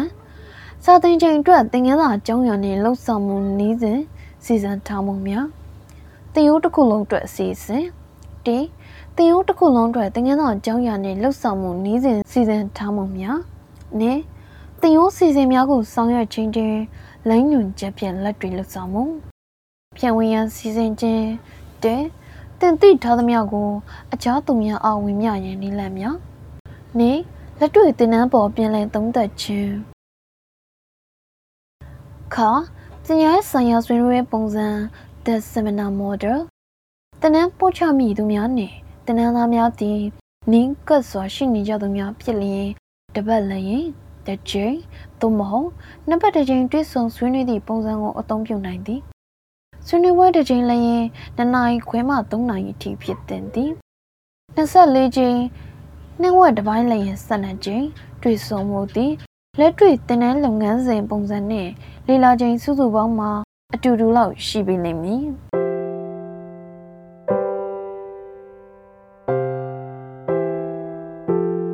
အပိုင်းကကျောင်းသားများမြည်တို့တင်ယူကြသည်နည်းပထမမူဝါဒများဖော်ပြချက်အဒီတာ၏မချက်အောက်ပါအစည်းကို RWCD တင်ကြားနည်းလုပ်ငန်း၏လှုပ်ဆောင်မှုများအတွက်တင်ယူမှုသဘောတရားမှခြေခံတစ်ခုအဖြစ်ရေးသားထားခြင်းဖြစ်ပါသည် မူလစာဖတ်ပရိသတ်များမှာကောလိပ်ကျိုတန်းမှာဆရာများဖြစ်ကြတော့လဲတက္ကသိုလ်ဆင့်တင်ကြားမှုနဲ့လဲစီလျော်ပါသည် RWCD တင်ကြားနည်းစီမံကိန်းသည်ကျောင်းသားများပုံမတက်ကြွစွာသင်ယူနိုင်စေရန်နှင့်ပါဝင်ခွင့်ပုံမရရှိစေရန်ပုံဖော်ထားသောတင်ကြားမှုနည်းစနစ်များကိုတဟဇာတဖြစ်အောင်ပေါင်းစပ်ထားခြင်းဖြစ်ပါသည် စီမံကိန်းတွင်သဘောတရားထက်လက်တွေကိုဦးစားပေးထားသည်သို့တော်လည်းဤစီမံကိန်းတွင်ရွေးချယ်အသုံးပြုသောနည်းစနစ်များသည်ပညာရေးတွင် အစဉ်လေးစားကြရသောပညာရှင်တော်တော်များများကထောက်ခံချက်ပေးကြသည်ထိုပုဂ္ဂိုလ်များတွင်အသိပညာတည်ဆောက်မှုအယူဆရှင်များဖြစ်ကြသောယမ်ဘီယာဂျီ1955 လဗိုင်ဂော့စကီ1965နှစ်အချောင်းသူများပါဝင်သလိုစဉ်းစားတွေးခေါ်တင်ယူမှုအယူဆကိုလက်ခံသောအမ်ဘရောင်1998ဒေါ်နယ်ဂရစ်1982နှစ်အခြားပညာရှင်များလည်းပါဝင်ကြသည်ဝေဖန်စမ်းစားမှုမှတစ်ဆင့်လက်တွေ့နှင့်သူတေသနလမ်းကြောင်းဘက်သို့သွားခြင်းပြည်သူနီတီကိုအားပေးခြင်းစသည့်နေပယ်များပါ အကျုံးဝင်သလိုမကြာသေးသည့်ကာလကအတိမတ်ပြုခဲ့ကြသောလူမှုရေးရာတာဝန်သိမှုကိုပညာရေးဖြင့်ရရှိစေခြင်းလည်းပါဝင်ပါသည်တေအသိပညာတိဆောက်ခြင်းအယူဆအသိပညာတိဆောက်ခြင်းအယူဆသည်ကျောင်းသားကိုယ်တိုင်အထုတ်သော လေလာမှုတွေ့ရှိမှုနှင့်စင်ရင်သုံးသပ်မှုမှတဆင့်ကိုမိုင်တိကိုတိဆောက်ယူခြင်းသို့မဟုတ် အသိရရှိခြင်းကိုအလေးထားပါသည်အသိပညာတိဆောက်၍သင်ယူခြင်း theory ရကျွန်ုပ်တို့သည် အတွေ့အကြုံသစ်တစ်ခုကိုအသိဟောင်းများပေါ်တွင်တိဆောက်ယူသောနားလည်မှုများဖြင့်အတိတ်ပဲဖွင့်ဆိုကြသည်ရှင်းနေပြီးသောအသည့်များကသိရန်ရှိသေးသောအရာအတွက်စဉ်းစားရန်မူပေါင်းများသို့မဟုတ်စီးစနစ်ခြေခံများကိုပေးထားသည်ဟုသောအယူဆကိုဆွဲကင်ပါသည်လုပ်ငန်းခွင်ထဲတွင်တွေ့ရသော အသိပညာတိဆောက်ပုံနမူနာတစ်ခုအဖြစ်ဖြစ်ရကလေးတစ်ခုကိုတင်ပြပါမည်လက်ထက်မင်္ဂလာပွဲအကြောင်းအချင်းကျုပ်ဖော်ပြချက်စာပုတ်ကိုအမျိုးသမီးအုပ်စုနှစ်စုကဖက်ရှုကြသည်ဆိုပါစို့ခဏကြာတွင်ထိုစာပုတ်အပေါ်မှတ်မိသည့်အချက်များကိုအားလုံးကပြန်လည်ရေးသားဖော်ပြကြသည်တပွဲကမိမစီရင်သောအိမ်တော်ရေးဝန်းနေပွဲချက်များကိုဖော်ပြကြသည် မိသားစုများ၏စစ်တမ်းကိုလည်းထည့်သွင်းဖော်ပြသည်ရခမများ၏အလောက်ကိုင်းလည်းပါဝင်သည်သူတို့သမီးဘက်ကတင်တောင်းရသည့်မင်္ဂလာကြီးလည်းပါဝင်သည်ရခမအိမ်တွင် လေးစားမှုမခံရဆုံးမိသားစုဝင်တဦးဖြင့်ရင်ဆိုင်ရမည်အိမ်တော်ကာလာ၏ခက်ခဲကျန်းတဲ့သည့်နှစ်ကာလာများလည်းပါဝင်ပါသည်အခြားတစ်ဖွဲ့ကမူပျော်ရွှင်ဝယ်ဖြစ်ရများကိုသာပေါ်ပြရေးသားကြသည် ရေဝင်းမှတကူတကလာရောက်ကြသောဧည့်သည်များအကြောင်းသူတို့သမီး၏ဝတ်စုံစမ်းကြယ်လှပပုံများပြားရည်စံခီတွင်ရက်အောင်သွားတဲ့သောကြည်နူးပွဲအရက်ဒေသတို့၏တာယာလှပပုံများကိုအသေးစိတ်ဖော်ပြကြသည်ထိုခြားနားချက်များကိုမြင်တို့ရှင်းပြမည်နီပထမအုပ်စုမှမြို့သမီးများသည်အိန္ဒိယပြည်တောင်ပိုင်းတွင် နေထိုင်ကြသူများဖြစ်ပြီးနောက်တစ်ဖွဲ့ကမူ အမေရိကန်ပြည်ထောင်စု၏လူလက်တန်းစားတိုင်ဝမ်တွင်နေထိုင်ကြသူများဖြစ်ကြသည်အုပ်စုတီးတီးကဂျာနီသဘောဆောင်သောမင်္ဂလာပွဲကျောင်းကိုမိမိတို့သိရှိထားသောမင်္ဂလာဆောင်နှင့်အိမ်တော်ရေးတွေ့ကြုံမှပုံဖော်ခြင်းတနည်းဆိုသောမိမိတွေ့ကြုံဆိုင်ရာတွေးပေါင်မှပုံဖော်ပေးချက်အတိုင်းအတိပ္ပယ်ကောက်ယူကြခြင်းဖြစ်ပေသည် Picture နှင့် Anderson 1989နေ တိဆောက်ယူသောအသည့်နှင့်လက်ခံယူသောအသည့် construct and resi knowledge သင်ယူမှုအလုံးသည်အသည့်တိဆောက်ခြင်းဖြစ်ပါသလားယမ်ဘီယဂျီကတကြွသောသင်ယူမှုဖြင့်ကိုရိုင်းတိဆောက်သောအသည့်နှင့်လူမှုရှုထောင့်ဖြင့်သင်ပေးခင်ရသောသည့် social arbitrary knowledge သို့မဟုတ်အချက်လက်ကိုမတော်သောအသည့်တို့၏ကြားတွင်ကွဲပြားမှုရှိကြသည်ဟုတင်ပြထားသည် အတွေ့အကြုံနှင့်ပြန်လည်သုံးသပ်မှုမှရသောတီးတို့ကိုဥပမာများဖြင့်ပြရသော အရာဝတ္ထုများ၏အစီအစဉ်အရေးအတွက်တို့တွင် ပုဂ္ဂိုလ်ရေးခံစားချက်နှင့်အစွဲတန်မှုများကြောင့်ပြောင်းလဲရန်မရှိပါလူမှုရှုထောင့်ဖြင့်တပိခင်ရသောတီးတစ်ခုကိုဥပမာဆောင်ရသောယောမက14ဦးမြောက်ပုပ်ယဟန်မင်းကဘယ်သူဖြစ်ပါသလဲဟူသောမိကုံမျိုးဖြစ်သည် တက်ကြွသောတင်ရင်မှုဖြင့်ကိုရိုင်းတိဆောက်သောတည်နှင့်လူမှုရှုထောင့်ဖြင့်တင်ပေးခင်ရသောအသည့်သို့မဟုတ်နာယူမသားရသောချက်လက်တီတို့သည်ပညာရေးတွင်အရေးကြီးသောအတိတ်ပဲဖော်ဆောင်မှုများရှိကြသည်ကိုရိုင်းတွေ့ပြီးရရှိသောအသည့်ကလက်တွေ့သုံးချနိုင်မှုတန်ဖိုးတွင်ပုံမောမြင်ပါသည်အပူအေးအလေးအပေါ့စသည်တို့ကိုကျွန်ုပ်တို့ကိုရီအားဖြင့်သိရှိကြပြီး နေ့စဉ်လဲထိုအသည့်ကိုလက်တွေ့အသုံးချနေကြရသည်သို့တော်လည်းကိုရီဖြင့်အသည့်ကိုတိဆောက်ယူရန်မှာနေကွေလာသည်နှစ်ထပ်ကင်းပေါ်ညီမြချင်းတစ်ခုကိုတော့၎င်းအတန်တစ်ခုဤတိဆောက်ပုံကို၎င်းဘုရားဤဟောကြားချက်အတိုင်းတရားအထုတ်မှုကိုအကျဉ်းချုပ်ပြီးပညာနှင့်နိဝရဏများကို အနှစ်ထုတ်ပြရင်နီလန်ကို၎င်းကိုယ်တိုင်တွေ့သိသူဘယ်နှဦးရှိနိုင်မည်နည်း သိပ္ပံပညာရှင်များလူကျူလူမှုများနှင့်အနုပညာရှင်များအစဉ်ဆက်အထုတ်ဖန်တီးလာခဲ့သောအသိပညာများ၏တစိမ့်တစ်ပိုင်းလောက်ကိုပင်အတိတ်ပဲပြည့်ပြည့်ဝဝဖြင့်လက်တွေ့သိရှိရမှာကလေးငယ်တယောက်ဖို့မဖြစ်နိုင်ပေထို့အပြင်ကိုရီလေးလာသိရှိပုံများသည်တဦးချင်းဤပင်ကိုယ်တဘာဝအလိုက်ကွဲပြားနိုင်မှုများလည်းရှိရကအဖြစ်မလွန်နိုင်ပေထို့ကြောင့်ပင် လပွိုက်ကိုစကီကဲ့သို့သောပညာရေးတွေးခေါ်ပညာရှင်များကဤအချက်ကိုတွေးတောပူပန်မှုရှိခဲ့ကြသည်အမျိုးမြင်ရှိစွာပညာရေးပုံစံဝင်အောင်ပုံဖော်မတားသောတွေ့ရှိတင်ယူမှုများသည်ပင်ကိုစိတ်ဆုံမှုဖြင့်ရရှိလာသောအတိမျိုးသာဖြစ်၍လောကအကြောင်းအရာများကိုပညာရပုဂ္ဂိုလ်များကခွဲခြမ်းစိတ်ပြလေးလာပြီးရရှိသည့်သိပ္ပံနည်းကျအတိမျိုးကဲ့သို့လက်ခံ၍မဖြစ်လောက်အောင် ကွဲပြားနေပြီသည်အကျိုးဆက်သည်ကမတိကျမသေးကြမှုများနှင့်အယူသည်ဆွေးလန်းမှုပြည့်ရှိနေသော စိတ်ပင်ဖြစ်တော်သည်တစ်ဖက်တွင်လည်းတယူသူ၏တွေ့ရှိမှုဖြစ်စဉ်အစစ်စင်ကိုစီစဉ်မပေးနိုင်မဲအတိလွှဲပြောင်းပေးသည်ကို နာဂံမသားစေုံတသက်ဖြင့်တင် जा ပေးသောနည်းသည်အသုံးပြုနိုင်သောအသည့်နှင့် အသုံးမဝင်သောအသည့်တို့၏ကြားပြတ်မှုကိုဖြစ်စေသည်အသုံးဝင်သောအသည့်ဟုဆိုရာတွင်ပညာရတယောက်ကဘဝ၏ပြဿနာအစစ်အမှန်များနှင့်နှိုင်းချင်ရာတွင် အလေးထားသောယူဆချက်များနှင့်မဆက်ဟပ်မိသောတယုံညွန်းတဲ့အခြေပြုစွမ်းအားမဲ့အသည့်များကိုဆိုလိုပါသည် White Hell 1959ကာနာ1991 နမကြီးတက္ကသိုလ်ကြီးတစ်ခုရဲ့နိုင်ငံရေးသိပ္ပံကျောင်းသားများကိုသူတို့သဘောအကျဆုံးလွှတ်တော်မှတ်ကဘာတူလဲဟုမိတော့အခါဘာကန်တဲ့ကအမှုသမားကဲ့သို့ခေါင်းကုန်နေကြကြောင်းကာနာကပြောဘူးသည်သို့တော်လဲထိုနမူနာအအမတ်ရနေဖို့မလိုပါကျွန်တော်တို့၏ကျောင်းသားများတင်ယူထားသောအရာသည်သူတို့အတွက်လက်တွေ့အသုံးချရမရခဲ့သောအဆက်ဆက်မဲသောအရာများကိုတင်ယူနေရခြင်းသည် ပညာရေးတွင်အားစိုက်ထိုးသမျှကိုအချင်းနှီးဖြစ်စေပါသည်ထိုပြဿနာကိုကျွန်ုပ်တို့မြည်ကဲ့သို့ဖြေရှင်းကြသနည်းကိုယ်တိုင်တိဆောက်ယူသောအသည့်နှင့်ကျောင်းသင်အသည့်တို့၏အဆက်ဆက်မိနေသောပြဿနာကိုချင်းကဲ့ရင်ပညာရေးသမားတော်တော်များများကစူးစမ်းခဲ့ကြသည်ကျောင်းသားများ၏တည်တည်ဆောက်မှုဖြစ်စဉ်အားကျောင်းသင်ရိုးကိုတိဆောက်ထားသောဘာသာရေးနေပင်များဘက်သို့ဦးလှည့်ပေးဖို့စူးစမ်းကြသည်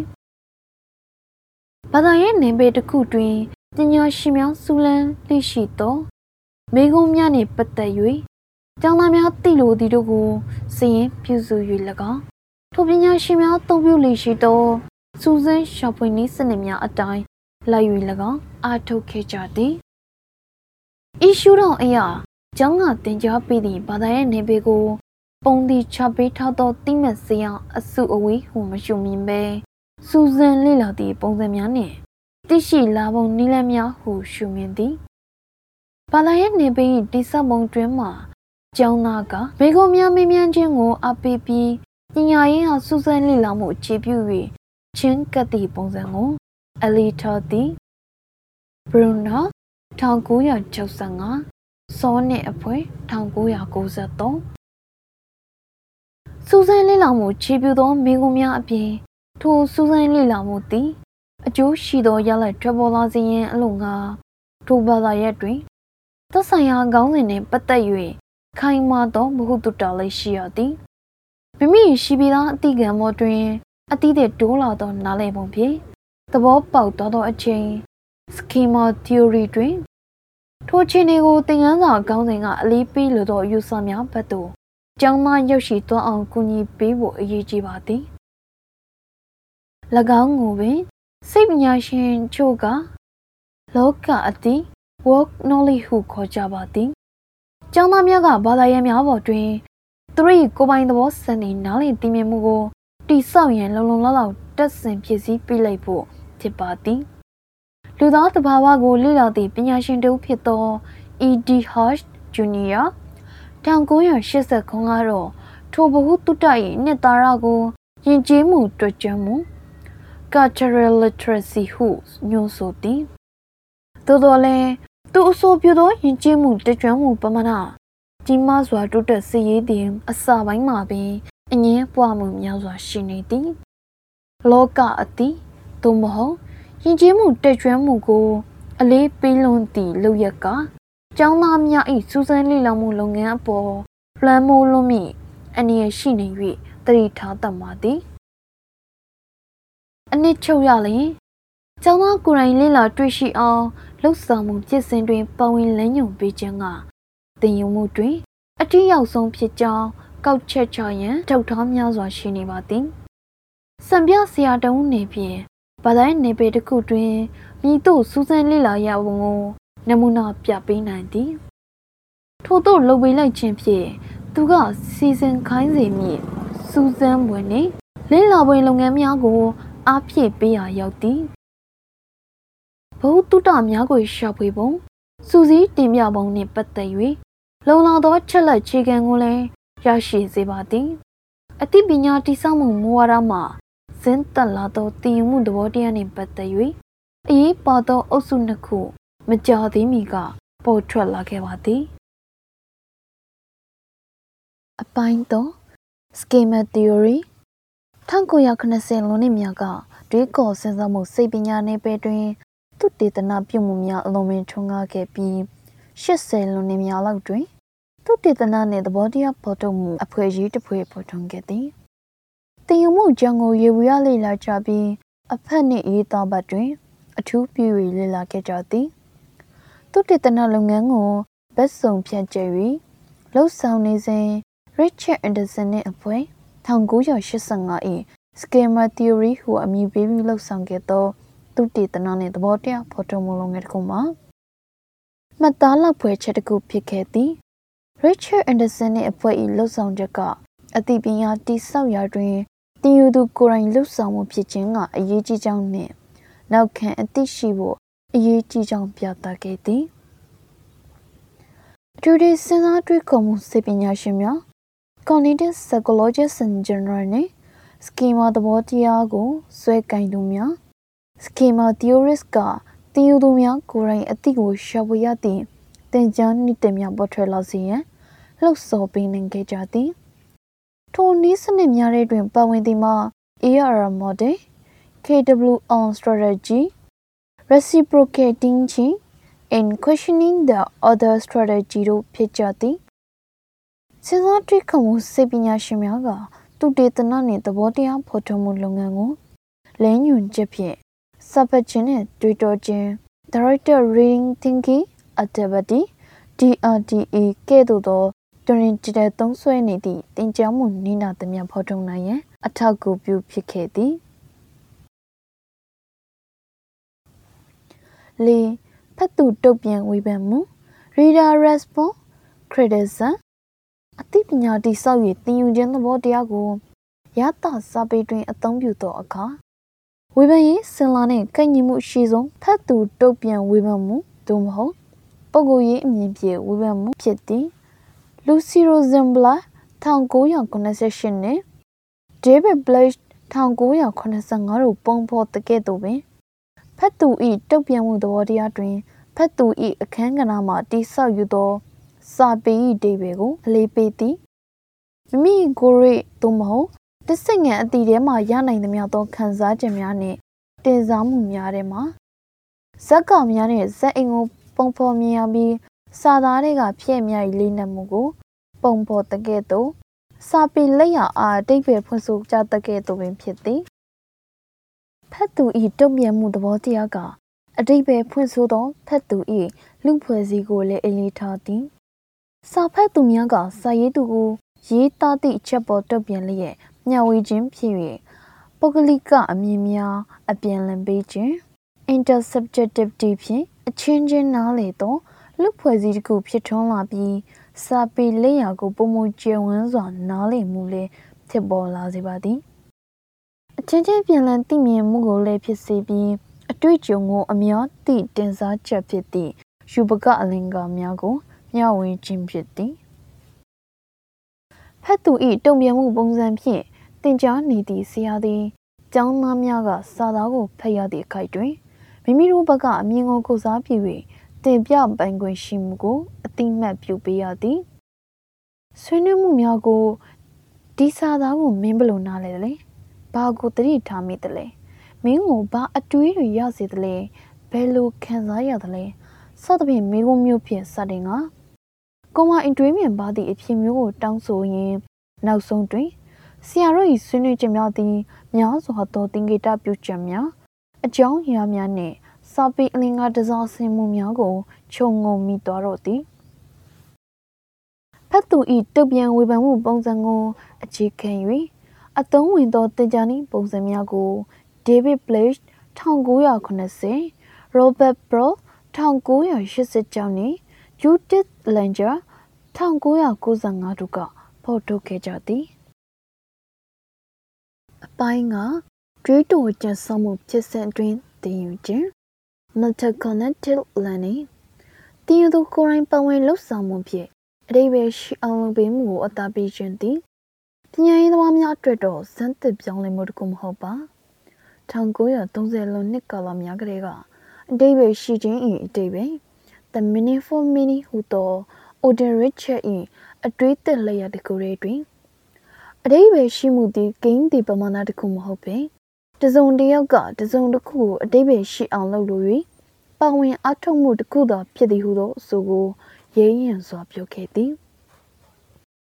သို့သောမကြသေးမီကမှပေါ်ထွန်းလာခဲ့သောစဉ်းစားတွေးခေါ်ခြင်းပညာခဏတစ်ဆိုင်ရန်ကထိုအရင်ကလုပ်ငန်းသမျှလုပ်ကြည့်ခဲ့ကြသည် အတိပယ်ရှိမှုတိဆောက်ယူခြင်းသည်တင်ယူသူဘက်ကဆောင်ရွက်ချက်တစ်ခုဖြစ်သည်ဆိုပါလေတင်ယူသူ၏ဆိုအားဆောင်ရွက်ချက်အတွက်ပိုကောင်းသည့်လှုပ်ဆောင်နည်းလမ်းများတင်ကြောပေးနိုင်သည်သည်ဟုစိတ်၍ဆိုနိုင်ပါသည်အစင်လာပညာရေးတွင်ကြောင်းများသည်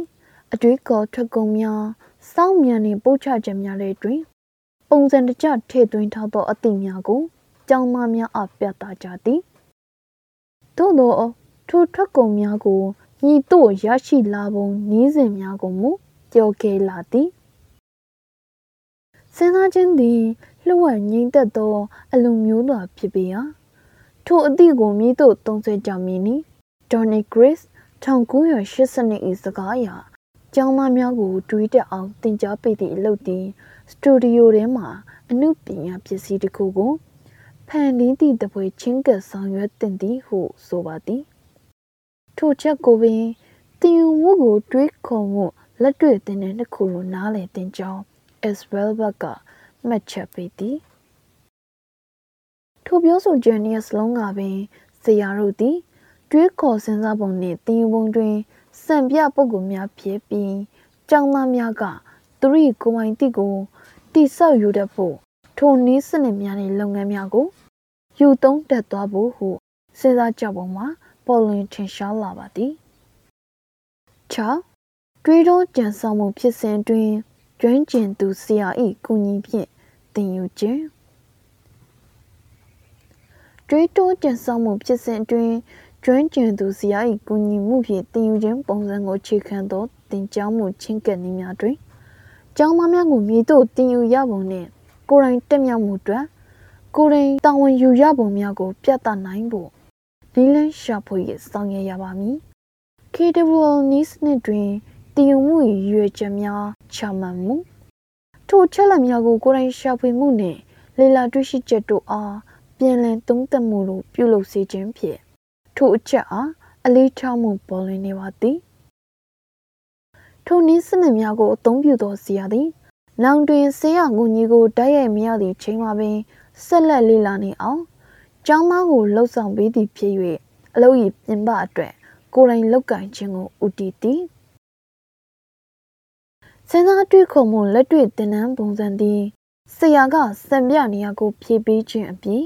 အခြားချက်များကိုပါလှုပ်ဆောင်ပေးသေးသည်တုံးနေတူထုတ်ဖော်ပြောဆိုခွင့်သာရနိုင်ပါလေကျောင်းသားများသည် အချင်းချင်းထံမှများစွာသင်ယူသိရှိသွားကြသည်တူဤတွေကိုခြားတစ်ခုကသိရှိရပြီးအကျိုးဖြစ်ထွန်းနိုင်စေရန်နှင့်အပြန်အလှန်ဆက်သွယ်ပူးပေါင်းဆောင်ရွက်နိုင်ရန်အတွက်စာသင်ခန်းကိုလက်တွေ့သင်တန်း workshop များပုံစံဖြင့်ပုံဖော်နေကြသည့်ဆရာများလည်းများစွာရှိနေပြီဖြစ်ပါသည်အပိုင်းခွန်အတန်ထွက်၍တွေးခြင်းသင်္ကလာတွေးတိုးကျန်ဆောင်မှုဖြစ်စဉ်အတွင်း ကျွမ်းကျင်သူဆရာ၏ကူညီမှုဖြင့်တင်ယူခြင်းပုံစံမှထပ်ပေါ်လာသောနောက်ထပ်နည်းစနစ်တစ်ခုမှာအတန်ထွက်၍တွေးနှင်းကိုအသုံးပြုခြင်းပဲဖြစ်သည်အတန်ထွက်၍တွေးခြင်းဟုသောစကား၏အနက်မှာပညာတရက်ကိုလက်တွေ့ချင်းကပ်ပြစဉ်တခြား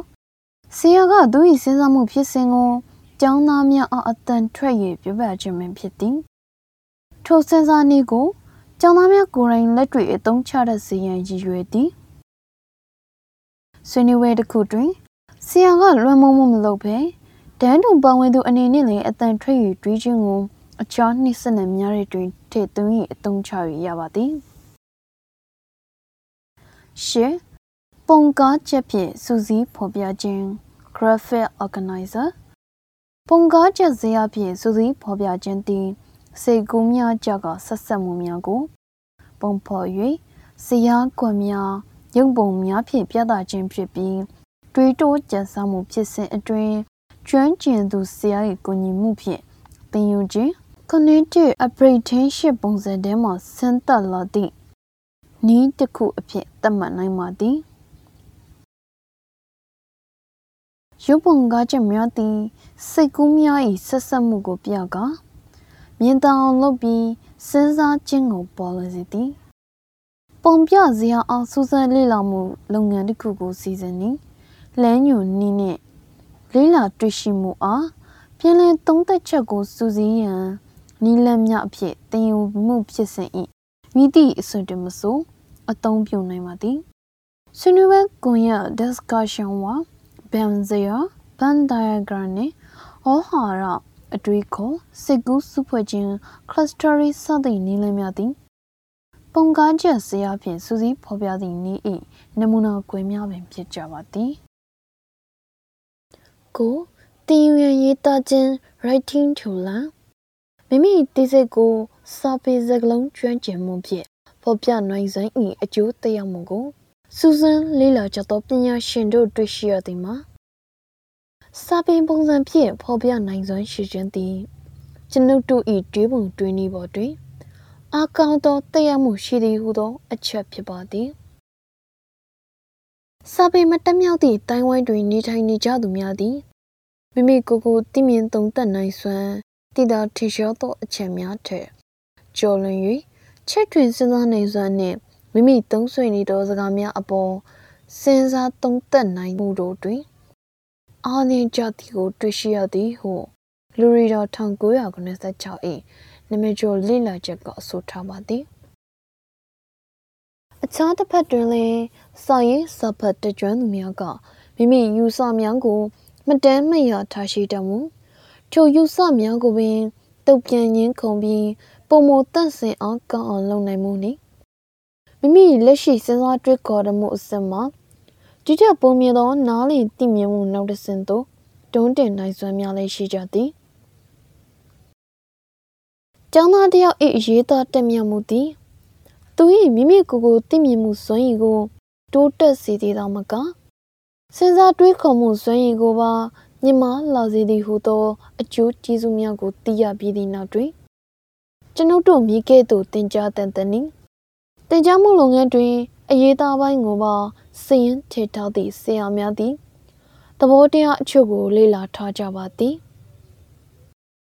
တသူတို့သည်စူးစမ်းလေ့လာမှုမတင်ရကြီး exploratory writing ကိုအားပေးသည်သူတို့ကကျောင်းသားများကိုစိတ်ကူးများနဲ့ဆွေးနွေးချက်များကိုမသားစေပြီးအဆုံးသက်စရန်တင်ပြရမည်ရွယ်ပဲမတန်းရေးသွင်းမှုနှင့်တုတ်ပြန်အတွင်းများအားရေးသွင်းမှုပြုလုပ်ခြင်းတို့ကိုအားပေးသည် နေသူတို့သည်ကျောင်းသား၏ကိုယ်ပိုင်ရေးသားမှု personal authorship ကိုအားပေးသည်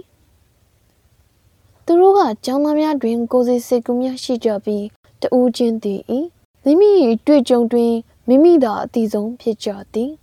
စဉ်းစားခြင်းရေးသားခြင်းတို့ဖြင့်၎င်းတို့ကိုအတိတ်ပဲရှိအောင်ဖန်တီးနိုင်ကြသည်စသည့်ယူဆကိုပြိုးထောင်ပေးသည်၃သူတို့သည် ရေးသားမှုလုပ်ငန်းစဉ် process of writing ကိုလေ့ထားသည်ထူးချွန်သောစာရေးဆရာများ၏ပြောင်ပြောင်သောလက်ရာများကို စာရေးလိရှိသည့်ကျောင်းသားများကသာမြင်နိုင်ကြပြီအချို့ကလည်းသူတို့ဒီဘေသောအခါမှစာရေးဆရာဖြစ်မလာနိုင်ဟုတဘာဝကြကြကိုယ်တိုင်ကောက်ချက်ချကြသည်သို့တော်လည်းစာရေးဆရာများသည်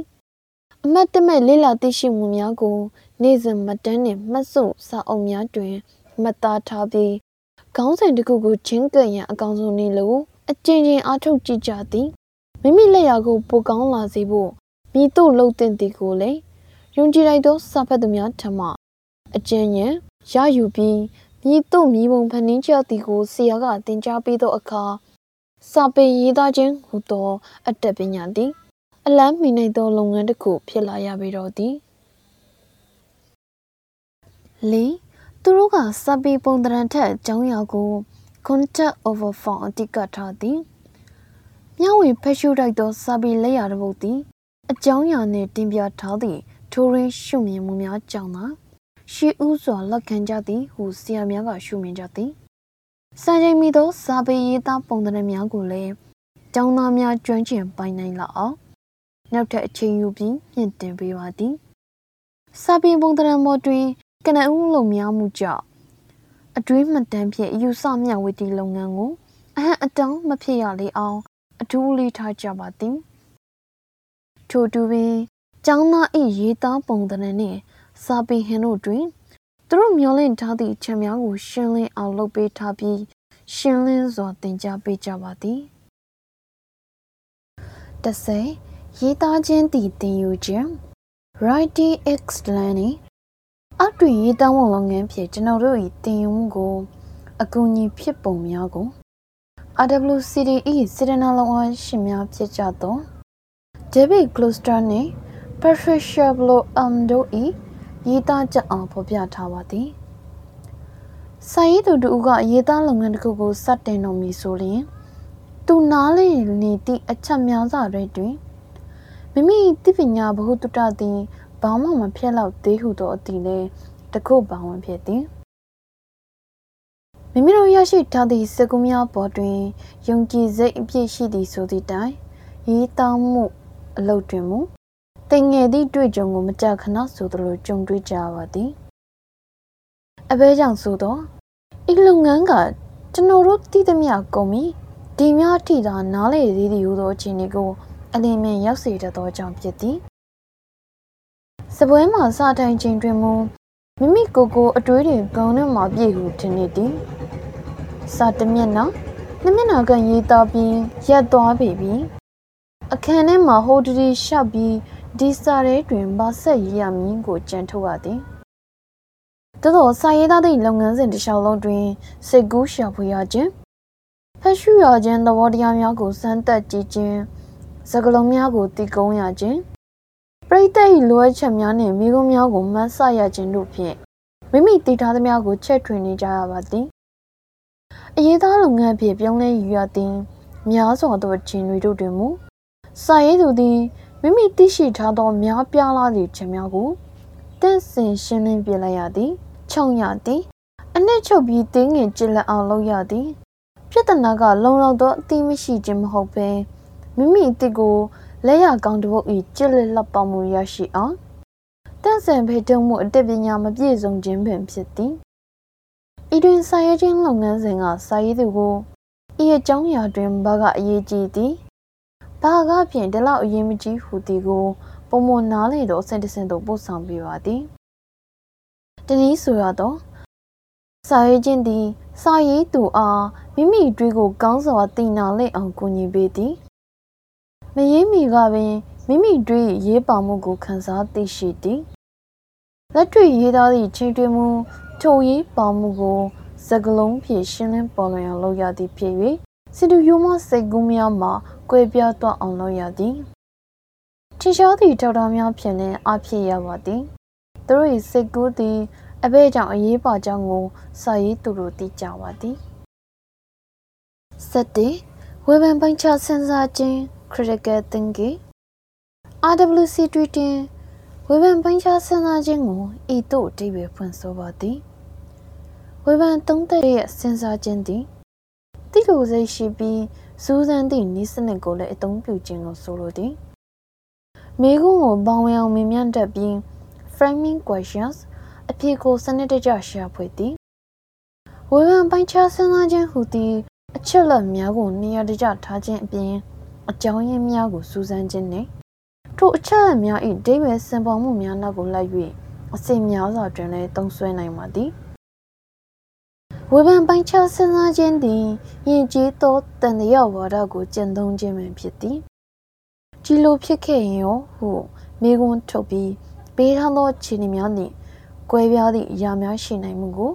လက်ခံစဉ်းစားပေသည် ဝေဖန်ပိုင်းခြားစဉ်းစားခြင်းသည်အရေးကိစ္စတစ်ခုတွင် အခြေအနေတစ်ခုကိုရောက်ရှိရနှင့်ကြောင်းကျိုးစီလျော်စွာခုခံကာကွယ်နိုင်ရန်ဖြစ်သည်အခြားသူများ၏ဇော်ရကများကိုဂရုတစိုက်စဉ်းစားပြီးထိုဇော်ရကများ၏ရုပ်တည်ပေးတာကိုပါစီစစ်စောကြောမှုကိုပြုလုပ်ခြင်းပင်ဖြစ်ပါသည်အထက်ပါဒိဗေဖွင့်ဆိုချက်သည်ညာပြကျင်ဝန်းလွန်လာသည် သို့ထဲသွင်းစဉ်းစားရမည်အဓိကချက်မှာ၎င်းသည်ကျွမ်းကျင်မှုတစ်မျိုးမျှသာမဟုတ်ဘဲကျွမ်းကျင်မှုများစွာပါဝင်နေသည့်ဆိုသောအချက်ဖြစ်သည်ဝေယံပိုင်ချစဉ်းစားခြင်းကိုမြင့်တင်သည်တင်ယုံညွန်းနှံများကိုအပေးသောမသျူးလက်စမန်1988ကဝေဖန်ပိုင်းခြားစဉ်းစားခြင်းဟူသောဝေါ်ဟာရသည်လက်တွေ့ကြကြဆိုရပါလိမ့်။နိုးကြသောစိတ်လှုပ်ရှား ဆောင်ရွက်မှုအလုံးကိုရည်ညွှန်းခြင်းပင်ဖြစ်သည်ဟုရှုံးဖောက်ခဲ့သည်။အစင်လာနာကန်တင်ရွသောစာသင်ခန်းကိုအခြေခံထား၍စဉ်းစားမည်ဆိုပါလိမ့်။ထိုစင်လာမှုပေါ်ထွက်လာသည့်တကြွသောတင်ယူမှုနည်းလမ်းများသည်ဝေဖန်စဉ်းစားခြင်းကိုမြင့်တင်သည့်လမ်းကြောင်းပေါ်သို့ရောက်လာကြသည်မှာကြာမြင့်ခဲ့ပေပြီ။သို့တော်လည်းဝေဖန်ပိုင်းခြားစဉ်းစားခြင်းဟူသောဝဟာရသည် တခါတည်းအသိပညာကိုကိုယ်တိုင်ရှာဖွေခြင်းဆိုသည့်ထက်ပေါ်ပါသည်ကိုယ်တိုင်ရှာဖွေရသောအသည့်ကိုမိမိ၏အခန်းသည့်ဖြင့်ပေါင်းစည်းခြင်းအခြားလောက်ရများနှင့်နှိုင်းယှဉ်ခြင်းချင်းချင်းထိုအရာ၏ခိုင်မာမှန်ကန်မှုတန်ဖိုးနှင့်ဩဇာတရားမှုကိုမေးခွန်းထုတ်ခြင်းဇောရကများဖြင့်ယုတ်တိရှိမှုကိုစမ်းစစ်ခြင်းတဝိုင်သောတိတ်ဝဲများကိုဆွဲထုတ်ကြည့်ခြင်းဥပမာပေးစရာတင်များရှာကြံခြင်း၎ င်းကြောင့်ဖြစ်လာနေသောပြဿနာများ၏အဖြစ်များကိုမှန်းဆခြင်းနှင့်၎င်းတွင်ပါဝင်နေသောအကြောင်းကျိုးဆက်တရားကိုစစ်ဆေးခြင်းစသည်တို့အလုံးပေါင်းမှသည်ဝေယံပိုင်းခြားစဉ်းစားခြင်းကိုသင်ကြားပေးရန်အထောက်အကူပြုသောအတွေ့အကြုံဆိုင်ရာနှင့်သဘောတရားဆိုင်ရာစဉ်းစားများမှာအတော်တန်များပြားပါသည်စနစ်မိဂုံမင်းမြန်ချင်း၏အစများ level 4 question ဤဘင်ဂျမင်ဘလုံးနှင့်အဖွဲ့၏ပညာရေးမှန်ချက်စံများသည် စာတိုင်ငန်းတွင်သုံးပြသောစဉ်းစားတွေးခေါ်မှုအစဉ်စဉ်သို့မဟုတ်အမျိုးအစားများကိုကဲဖြတ်ခြင်းနှင့်လိုအပ်သလိုသုံးပြခြင်းနှမျိုးစလုံးအတွက်ပင်အသုံးဝင်သည့်ပုံစံတစ်ခုဖြစ်ပါသည်ထပ်ပါပညာရေးမှန်ချက်စံများသည်ဆရာများကမင်းများလာသည့်မိဂုံးများကို အဆက်နိုင်မိဂုံးနှင့်အစစ်မြင့်မိဂုံးဟူ၍ခွဲခြားနိုင်သည်ထို့သောခွဲခြားရာတွင် အချက်လက်များကိုမှတ်မိခြင်းသို့မဟုတ်အတွေးခေါ်ယူဆများကိုနားလည်ခြင်းနှင့် အတွေးခေါ်ယူဆများကိုလက်တွေ့အသုံးချခြင်းစောရကများကိုခွဲခြားစိတ်ဖြာခြင်းအဖြစ်အများရရှိရန်တွေးခေါ်ယူဆများကိုပေါင်းစပ်ခြင်းကြိုးကြောင်းစင်ញံစဉ်းစားမှုလမ်းကြောင်းတစ်လျှောက်လုံးကိုအကဲဖြတ်သုံးသပ်ခြင်းစသည့်ကိုရမှုများကိုခွဲခြားနိုင်ခြင်းဖြစ်သည်စံတကန်းတွင်းနိုင်စဉ်းစားတွေးခေါ်မှုကိုအားပေးလိုသောဆရာများသည်ဘလုံ၏ပညာရေးမှန်ချက်စံများကိုစတင်အသုံးပြုရန်တန်တော်ပါသည် ဆရာများကမိသောမိကုံအမျိုးအစားများ၏စံများသည်ကျောင်းသားများစဉ်းစားသည့်စံများနှင့်အမြဲတမ်းဆက်ဆက်မှုရှိသည်မိမိအသုံးပြုနေသောမိကုံများ၏စံတန်းကိုမိမိကိုယ်တိုင်ကသတိထားမိခြင်းရောက်မှသာမိမိတောင်းဆိုနေသောတွေးခေါ်စင်တန်းကိုထိမ့်သိမ်းလှုပ်ဆောင်တက်လာပေလိမ့်မည်အစိမ့်မြင့်တွေးခေါ်မှုကိုလှုပ်ဆောင်နိုင်ကြသူများသည်အချက်လက်မသားနိုင်မှုအဆင့်လောက်သာတွေးနိုင်သူများထက် မိမိသင်ယူရရှိသောအရာကိုလက်တွေ့အသုံးချနိုင်တဲ့တွင်တာလွန်ကြပေသည်73ဝေဖန်ပိုင်းခြားစဉ်းစားမှုကို ပုံစံတကျချင်းကပ်နည်းများ formal approach to critical thinking အမေရိကန်ပြည်ထောင်စုတွင်ဝေဖန်ပိုင်းခြားစဉ်းစားခြင်းတက်ပညာတွင်ထူးချွန်ရင်းနှင့်တင်ကြားရေးလက်တွေ့လုပ်ငန်းများသည်အောက်ပါချက်သုံးခုဖြင့်ဖွံ့ဖြိုးလာခဲ့ပြီဖြစ်သည်ပထမချက်မှာ New Jersey ရှိ Montclair State University တွင်ဖွင့်လှစ်ထားသောကလေးများအတွက်ဒသနိကဗေဒဖွံ့ဖြိုးရေးဌာနဖြစ်ပြီး Matthew Lesmer 1988 1991နှစ်အဖွဲ့ကမူလာတန်းနှင့်အလေတန်းစိတ်ကလေးများအတွက်ထူထောင်ဆောင်ရွက်နေသောလုပ်ငန်းဖြစ်သည်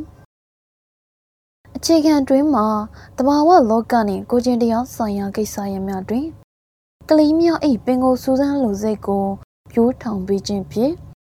အစိမ့်မြင့်စဉ်းစားခြင်းကိုစာပြိုးနိုင်သည့်ဟုသောဥပဒေကိုခြေခံထားသည်ကလေးများ၏တွေးတဲ့သည့်တဘာဝကိုကနဦးအားပြုကခွဲခြမ်းစိတ်ဖြာ၍စူးစမ်းရှာဖွေသည့်စွမ်းရည်ကိုဖွံ့ဖြိုးစေပြီးတဒနာဖြည့်ရှင်းနိုင်စွမ်းကိုပြီးသောတင်ရိုးတစ်ခုကိုရေးဆွဲကြလေသည်ဒုတိယချက်မှာမဆာချူးဆက်တက္ကသိုလ်မှဒသနပညာရှင် Graham Matthews 1985 1988ကလူမှုကျင့်ဝတ်နှင့်နိုင်ငံရေးပြဿနာများကြောင့်စီလီယိုသည့်မင်းဝန်အချို့ကိုသုံး၍ Drummond ဇန်သောအတိတ်ပဲချားနာမှုအလွန်ချင်းများရှူရီသောအကြောင်းအရာများကိုကလေးများအဖြစ်ညစ်တွေးတို့ခိုင်း၍ရနိုင်သည်ဟုဆိုသည်။ပြီးတော့ချင်းနှင့်ကိုဘတ်တို့အကြံပြုခဲ့သောဖွံ့ဖြိုးမှုစစ်သတ်မှတ်ချက်ထက်များစွာပေါ်၍ငေသောရွေမှာပင်ဖြစ်နိုင်သည်ဟုဆိုသည်။ ဆရာများကိုဒူးလေးကျင့်ပေးမှုလည်းမလုံးအထူးကြောင်းရများကိုတီထွင်အားကိုးမှုလည်းမပြုဘဲကလေးများ၏ကြောင်းသုံးပြဋ္ဌာန်းစာအုပ်များနှင့်သူတို့ယဉ်နေပြီးဖြစ်သော ပုံမြင်များကိုတုံးခြင်းကထူးခြားသည်မန်သျူးကဆရာတို့အားဖြစ်နိုင်တယ်ဟုပြောင်းလဲထားသည့်စေကိုသာမွေးကြရန်နှင့်ချင့်ချိန်၍စကားပြောဆိုသည့်တက်ပညာများကိုသာသုံးဆွေရန်တိုက်တွန်းသည်တတိယချက်မှာအစိမ့်မြင့်ပညာမှ ခပြိုင်တသနာပညာရှင်များသည်ခပြိုင်ကျောင်းညာများကို ခွဲခြားစိတ်ဖြာမှုစွမ်းရည်သုံးလျက်ရုပ်တိနှင့်ကြောင်းကျိုးပြ၍တည်ကုန်းရသောစာပေရေးသားနည်းကိုဘာသာရေးနယ်ပယ်တွင်အစစ်မြင့်စဉ်းစားတွေးခေါ်နိုင်စံဖွံ့ဖြိုးစေရေးအတွက်ဖော်ထုတ်သုံးဆွဲနေကြသည်ထိုလုံရက်ကိုအလေတန်းနှင့်ထက်ဆင့်တွင်သာမကမူလတန်းစင်များတီပင်တိုးချဲ့သုံးဆွဲလျက်ရှိကြသည်ကယ်လီဖိုးနီးယားပြည်မှ ဆိုနိုမာအစိုးရတက္ကသိုလ်တွင် Rachel Ball Gerald Nelson နှင့် Linda Elder 1995တို့ပါဝင်သည့်အဖွဲ့တစ်ဖွဲ့ကဝေဖန်စဉ်းစားခြင်းသင်ကြားမှုကိုအထောက်အကူပြုသောတင်ကြားရေးပစ္စည်းများဖန်တီးထုတ်လုပ်ထားကြသည်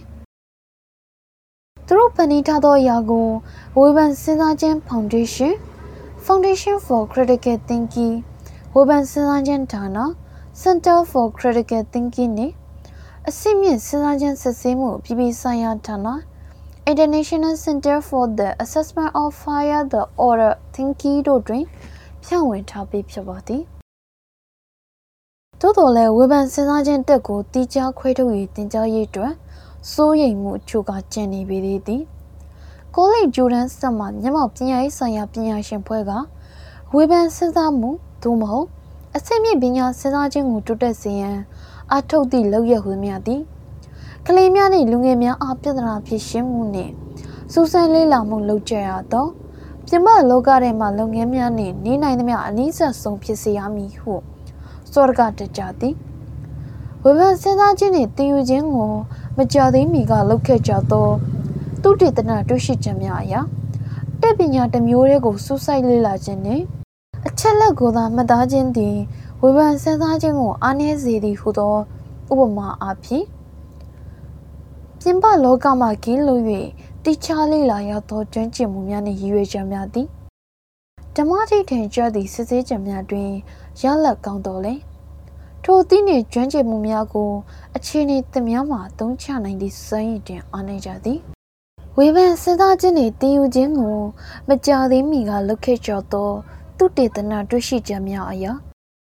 တက်ပညာတစ်မျိုးတည်းကိုစူးစိုက်လေ့လာခြင်းနှင့်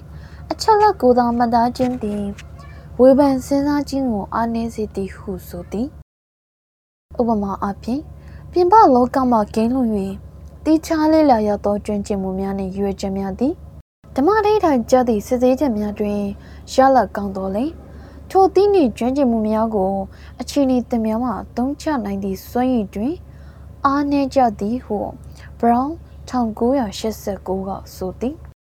စဉ်းစားတွေးခေါ်ခြင်းစိတ်ပညာဒသနိကဗေဒပညာနှင့်ဘဟုယဉ်ကျေးမှုပညာရေးဆိုင်ရာသုတေသနပြုရလဒ်များကတည်ယူခြင်းနှင့်စဉ်းစားခြင်းအတွက်ပုံမပြည့်စုံသည့်အဓိပ္ပာယ်ဖွင့်ဆိုခြင်းများကိုရရှိစေသည်ထိုသုတေသနတွေ့ရှိခြင်းများအနက်မှာအသွင်တူနေသောလမ်းကြောင်းများကပြသည်ဆိုသောခြေနေများတွင် အသုံးချနိုင်အောင်ထိရောက်သောရေရှည်တည်ယူမှုပြုလုပ်ခြင်းသည် အစဉ်သင့်ရှိနေသောအသည့်နှင့်စိတ်ကူးများကိုအတိပ္ပယ်ရှိအောင်လုပ်ပေးခြင်းဖြစ်သည်ထိုခြေနေမျိုးအကောင်းဆုံးဖြစ်ထွန်းစေရန်မှာတည်သူကိုယ်တိုင်ပဝင်လှုပ်ဆောင်၍လေ့လာခြင်းထဲထဲဝင်ဝင်တည်မြင်ခြင်းနှင့်အတိများအစီလျော်အောင်ပေါင်းစည်းခြင်းနှင့်ကိုယ်ပိုင်အသည့်တိဆောက်ခြင်းပြုလုပ်နိုင်ဖို့လိုသည်အန်ဒါဆန်နှင့်အဖွဲ့1985ကျောင်းသားများကအသည့်တစ်ကိုလက်တွေ့ချင်းနှင့်စစ်တွင်သုံးချနိုင်သော အခွင့်အလမ်းများရှိပါလျင် တည်ယူခြင်းနှင့်စဉ်းစားခြင်းကိုပုံမအကောင်းစေပါသည် Resnit 1989ကျောင်းသား၏တီဟောင်းနှင့်အတွေ့အကြုံဟောင်းမော်တွင်ခြေခံ၍ထိုတီဟောင်းနှင့်တည်ယူရမည့်အသည့်စိတ်ကိုဆက်ဆက်ပေးနေလျင်တည်ယူမှုကိုပုံမအကောင်းစေပါသည်အန်ဒါဆန်နှင့်အဖွဲ့1985စိတ်ကူးနှင့်တွေ့ကြုံများကွဲပြားစုံလင်ခြင်းကိုဆရာများကနားလည်၍တမိုးထားတယ်လျင် ဝေဖန်စဉ်းစားခြင်းနှင့်တည်ယူခြင်းများဖြစ်ပေါ်လာပါသည်အဖြစ်မှန်သည်တမျိုးမကရှိနိုင်သည့်ဟူသောစိတ်ချနေမျိုးဖြစ်လာမှသာဝေဖန်စဉ်းစားခြင်းဖြစ်ပေါ်လာသည် Big 1988ဝေဖန်စဉ်းစားခြင်းအတွက်စာပတ်ခြင်းကိုပုံစံချ၍ချင်းကြရတွင်အထက်ပါဝေဖန်ခြင်းဆိုင်ရာအစဉ်လာများတဲ့မှာအချက်လေးချက်ကိုငားယူသုံးဆွဲနိုင်ပါသည်၁လောကကြောင့်စူးစမ်းလိုသောစိတ်သည် လူငယ်များထံသို့တဘာဝအတန်ရောက်လာကြပြီးသူတို့သည်လေးနက်သောမိကုံများကိုစိတ်ဝင်စားရန်၎င်းဖန်တီးမှုပါသောစိတ်ကူးများကိုဖော်ထုတ်ရန်၎င်းစွမ်းဆောင်နိုင်သည်ဟုယုံကြည်မှုနေစစ်စမပြတ်စူးစမ်းမှုကိုအားပေးပြီးအကျိုးရှိအောင်စဉ်းစားသောနည်းလမ်းများနှင့်အကျင့်များကိုတိဆောက်ပေးသော အမျှော်မြင်ကြီးမားသည့်ဆရာများ၏အရေးကြီးသောခံကဏ္ဍကိုအတိမတ်ပြုမှု၃ ကျောင်းသားများအသားကျစွာပါဝင်လှုပ်ဆောင်နေသည့်ဆွေးနွေးညှိနှောင်းခြင်းနှင့်စူးစမ်းလေ့လာခြင်းလုပ်ငန်းစဉ်တွေတွင်ဝေဖန်စဉ်းစားခြင်းကိုအဆက်ဆက်မိမိဖြင့်ထည့်သွင်းရေးသားခြင်းကိုအလေးပေးရန်စိတ်ပိုင်းဖြစ်မှု၄အတွေးအမူခြင်းများနှင့်ဒီမိုကရေစီအလေးထားဖွံ့ဖြိုးသောနိုင်ငံသားပြည်သူမှုတို့ကြားတွင်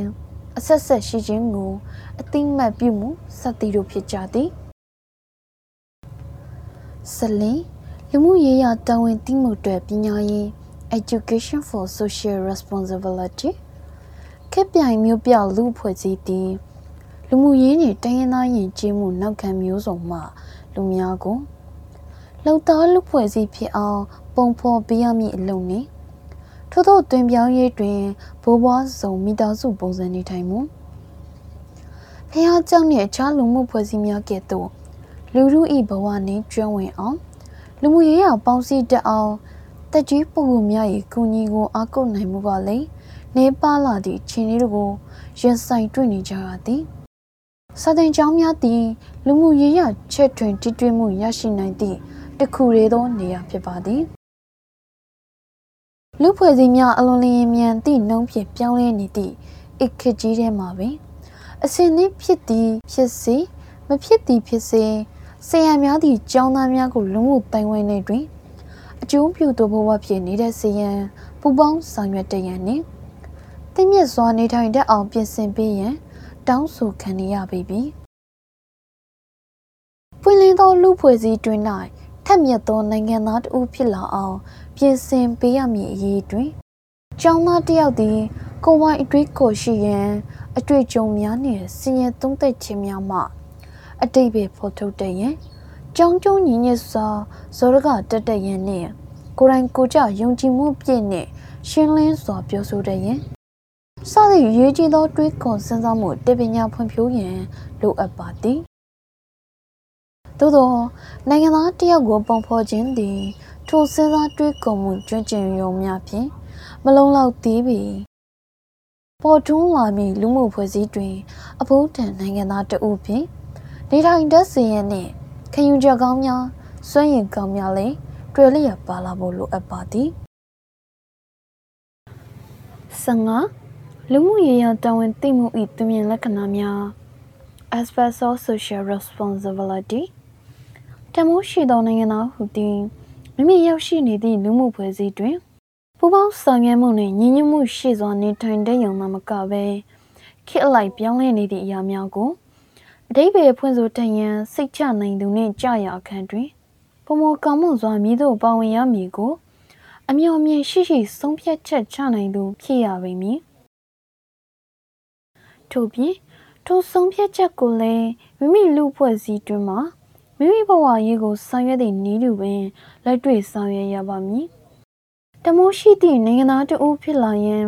ကျောင်းသားများကြိုတင်ပြည်စည်းရမည့်အရာများနှင့်ပတ်သက်၍ ပညာရှင်များကအဆိုပြုသောအချက်များကို ဖော်ပြလိုက်ပါသည်သူတစ်ပါးကိုစာနာစိတ်ရှိမှုသူတစ်ပါးဤဖြစ်ပျက်တွေ့ကြုံညီတို့ရှိမည်ကိုသိမြင်နိုင်စွမ်းရှိပြီးခံစားပေးနိုင်စွမ်းလည်းရှိသည်ရလမှာတခြားသူများနှင့်ဘုံရီမန်းချက်များချမှတ်နိုင်ပြီး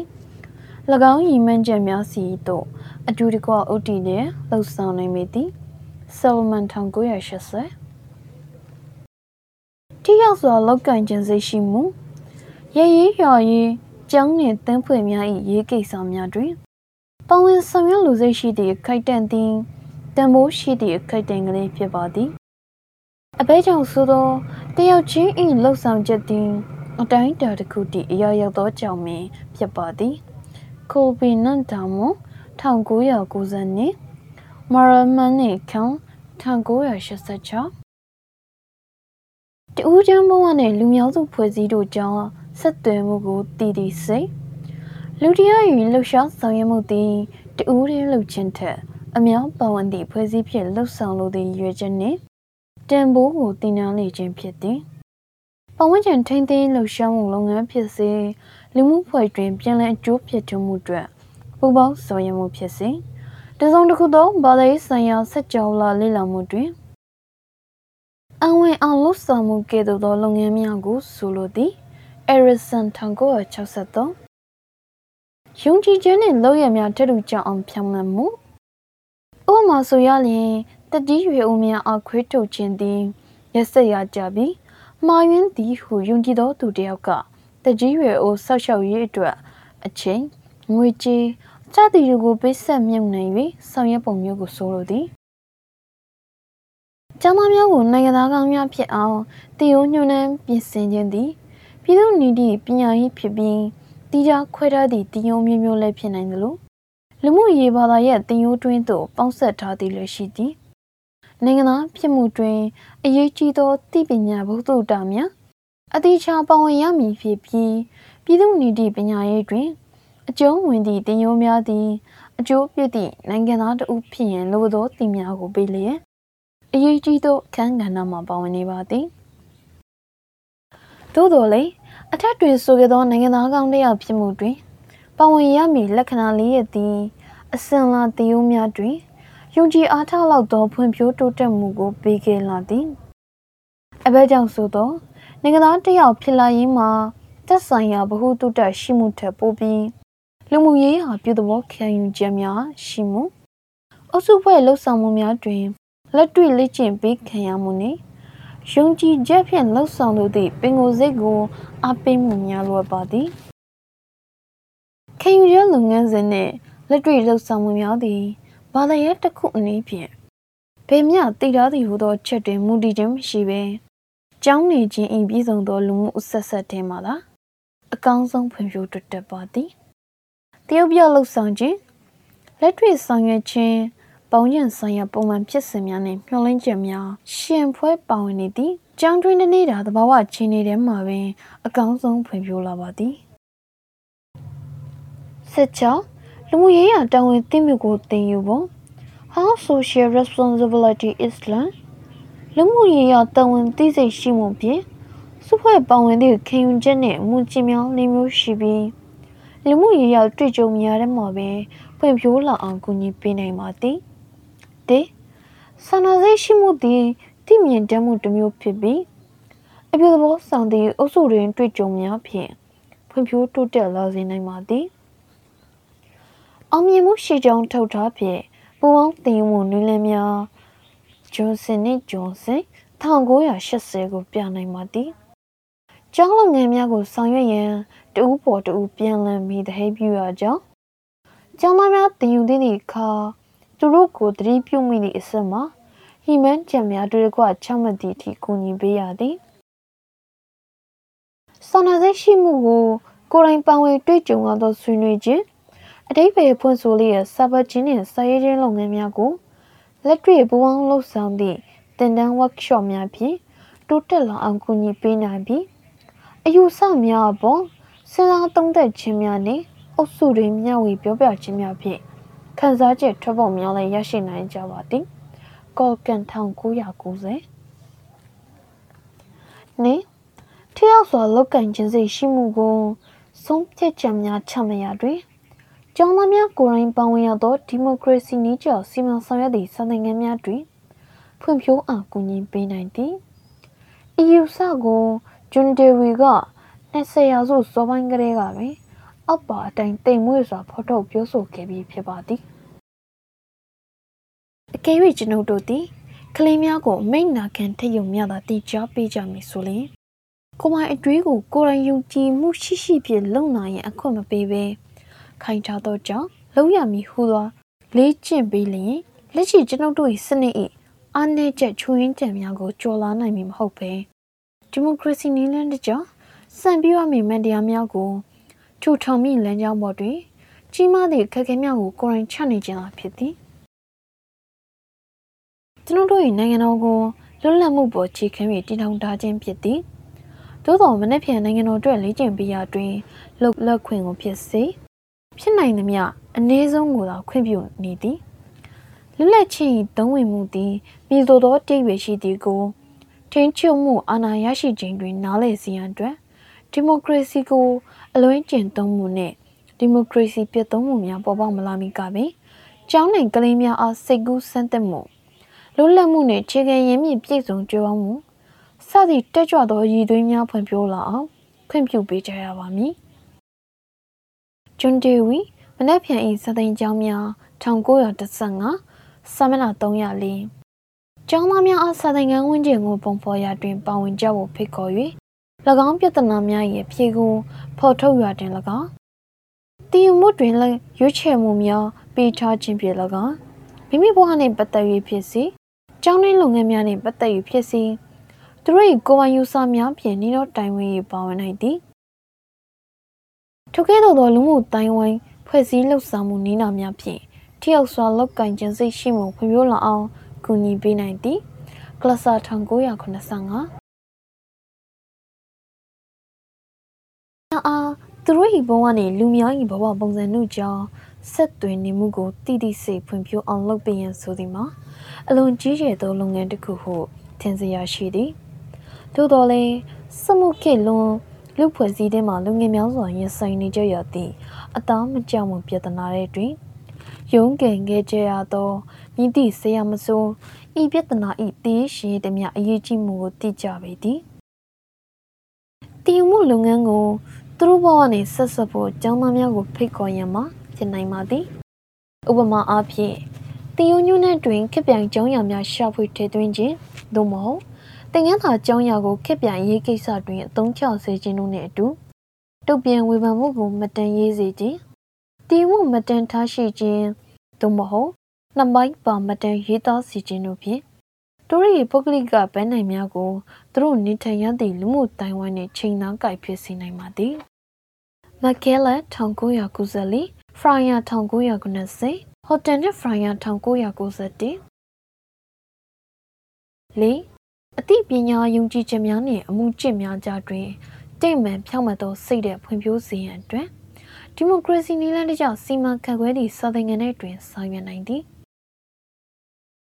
တည်ယူမှုတွေလူမှုဖွဲ့စည်းတဲ့တွင် အဆက်ဆက်ရှင်းနိုင်သောစာသင်ခန်းများတွင် ပို၍ပင်ဖွံ့ဖြိုးပါသည်လူမှုဖွဲ့စည်းကမောင်းနှင်သောပညာရေး၏ဥပမာကောင်းများကို False Fire လုပ်ငန်းစီမံချက်တွင်တွေ့ရသည်။ကျောင်းသားများကယဉ်ကျေးမှုဆိုင်ရာလေ့လာရေးသားဝင်များမှုကိုလက်တွေ့လုပ်ကြရသည်။ဒလိဒုံနဟောင်းများပုံမြင်များလက်မှုတက်ပညာများကိုသိရှိတကြွသူများအားရှာဖွေရသည်။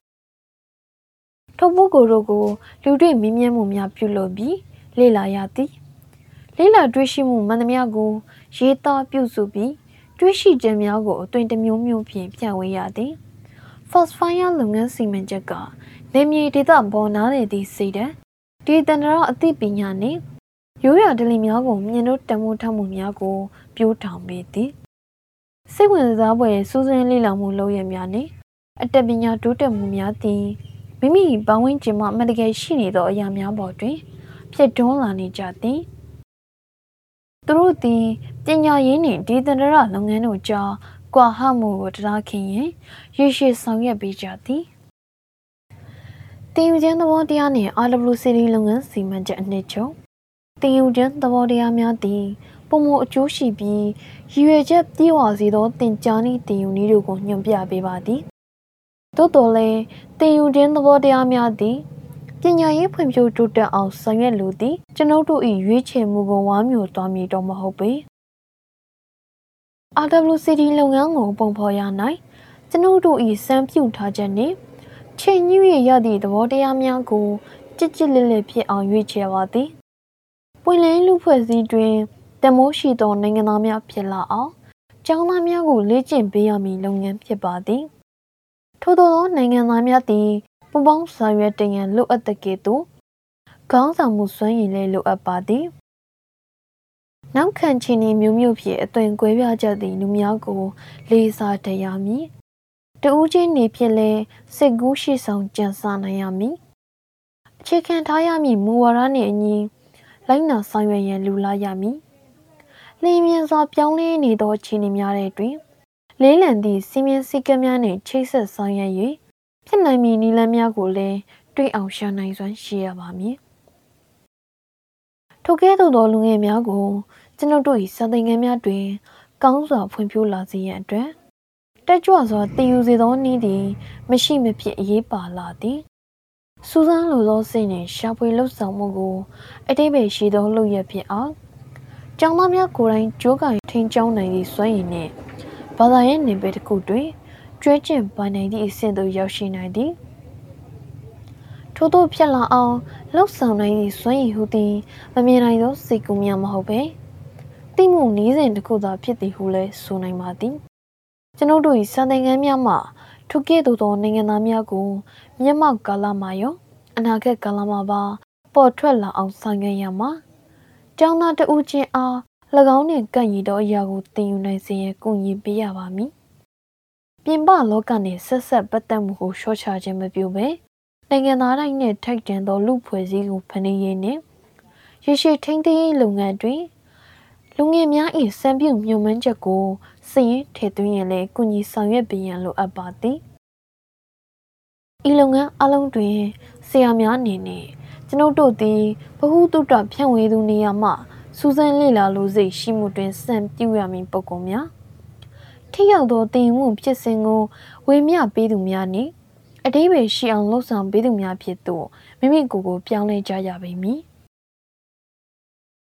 ယခုပိုင်းတွင် အသိပညာတိစောက်မှုမူဝါဒ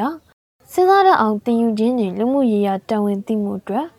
ပညာရေးဟူ၍ပိုင်းခြားပြီးဆန်းစစ်လေ့လာခဲ့သောသင်ယူခြင်းသဘောတရားများအလုံးသည် RWCD လုပ်ငန်းစီမံချက်ဖြင့်လှုပ်ဆောင်သောလက်တွေ့သင်ခန်းများ workshop တွင်အပြည့်အဝထန်ဟလျက်ရှိသည်ထိုလက်တွေ့သင်တန်းများသည်တက်ကြွသောသင်ယူမှုဖြင့်စူးစမ်းလိုစိတ်ထက်သန်သောကျောင်းသားများအပြည့်ရှိနေသည်စသင်ငန်းများဖြစ်လာအောင်လမ်းညွှန်ပေးနိုင်မည်ကိုကျွန်ုပ်တို့ယုံကြည်သည်ထိုစာသင်ခန်းများသည်အဖိုးတန်နိုင်ငံသားကောင်းများဖြစ်လာရင်လမ်းကြောင်းအသီးသီးပေါ်တွင်ရောက်နေကြသောကျောင်းသားများကို လေ့ကျင့်ပေးရာနေရာဖြစ်သည်ဤဒီကရှောင်ရဲပြီဟူ၍မရှိသောကဝတဝန်းလုံးမှာဆရာပေါင်း၏စူးစမ်းရှာဖွေမှုပင်ဖြစ်တော်ပါသည်။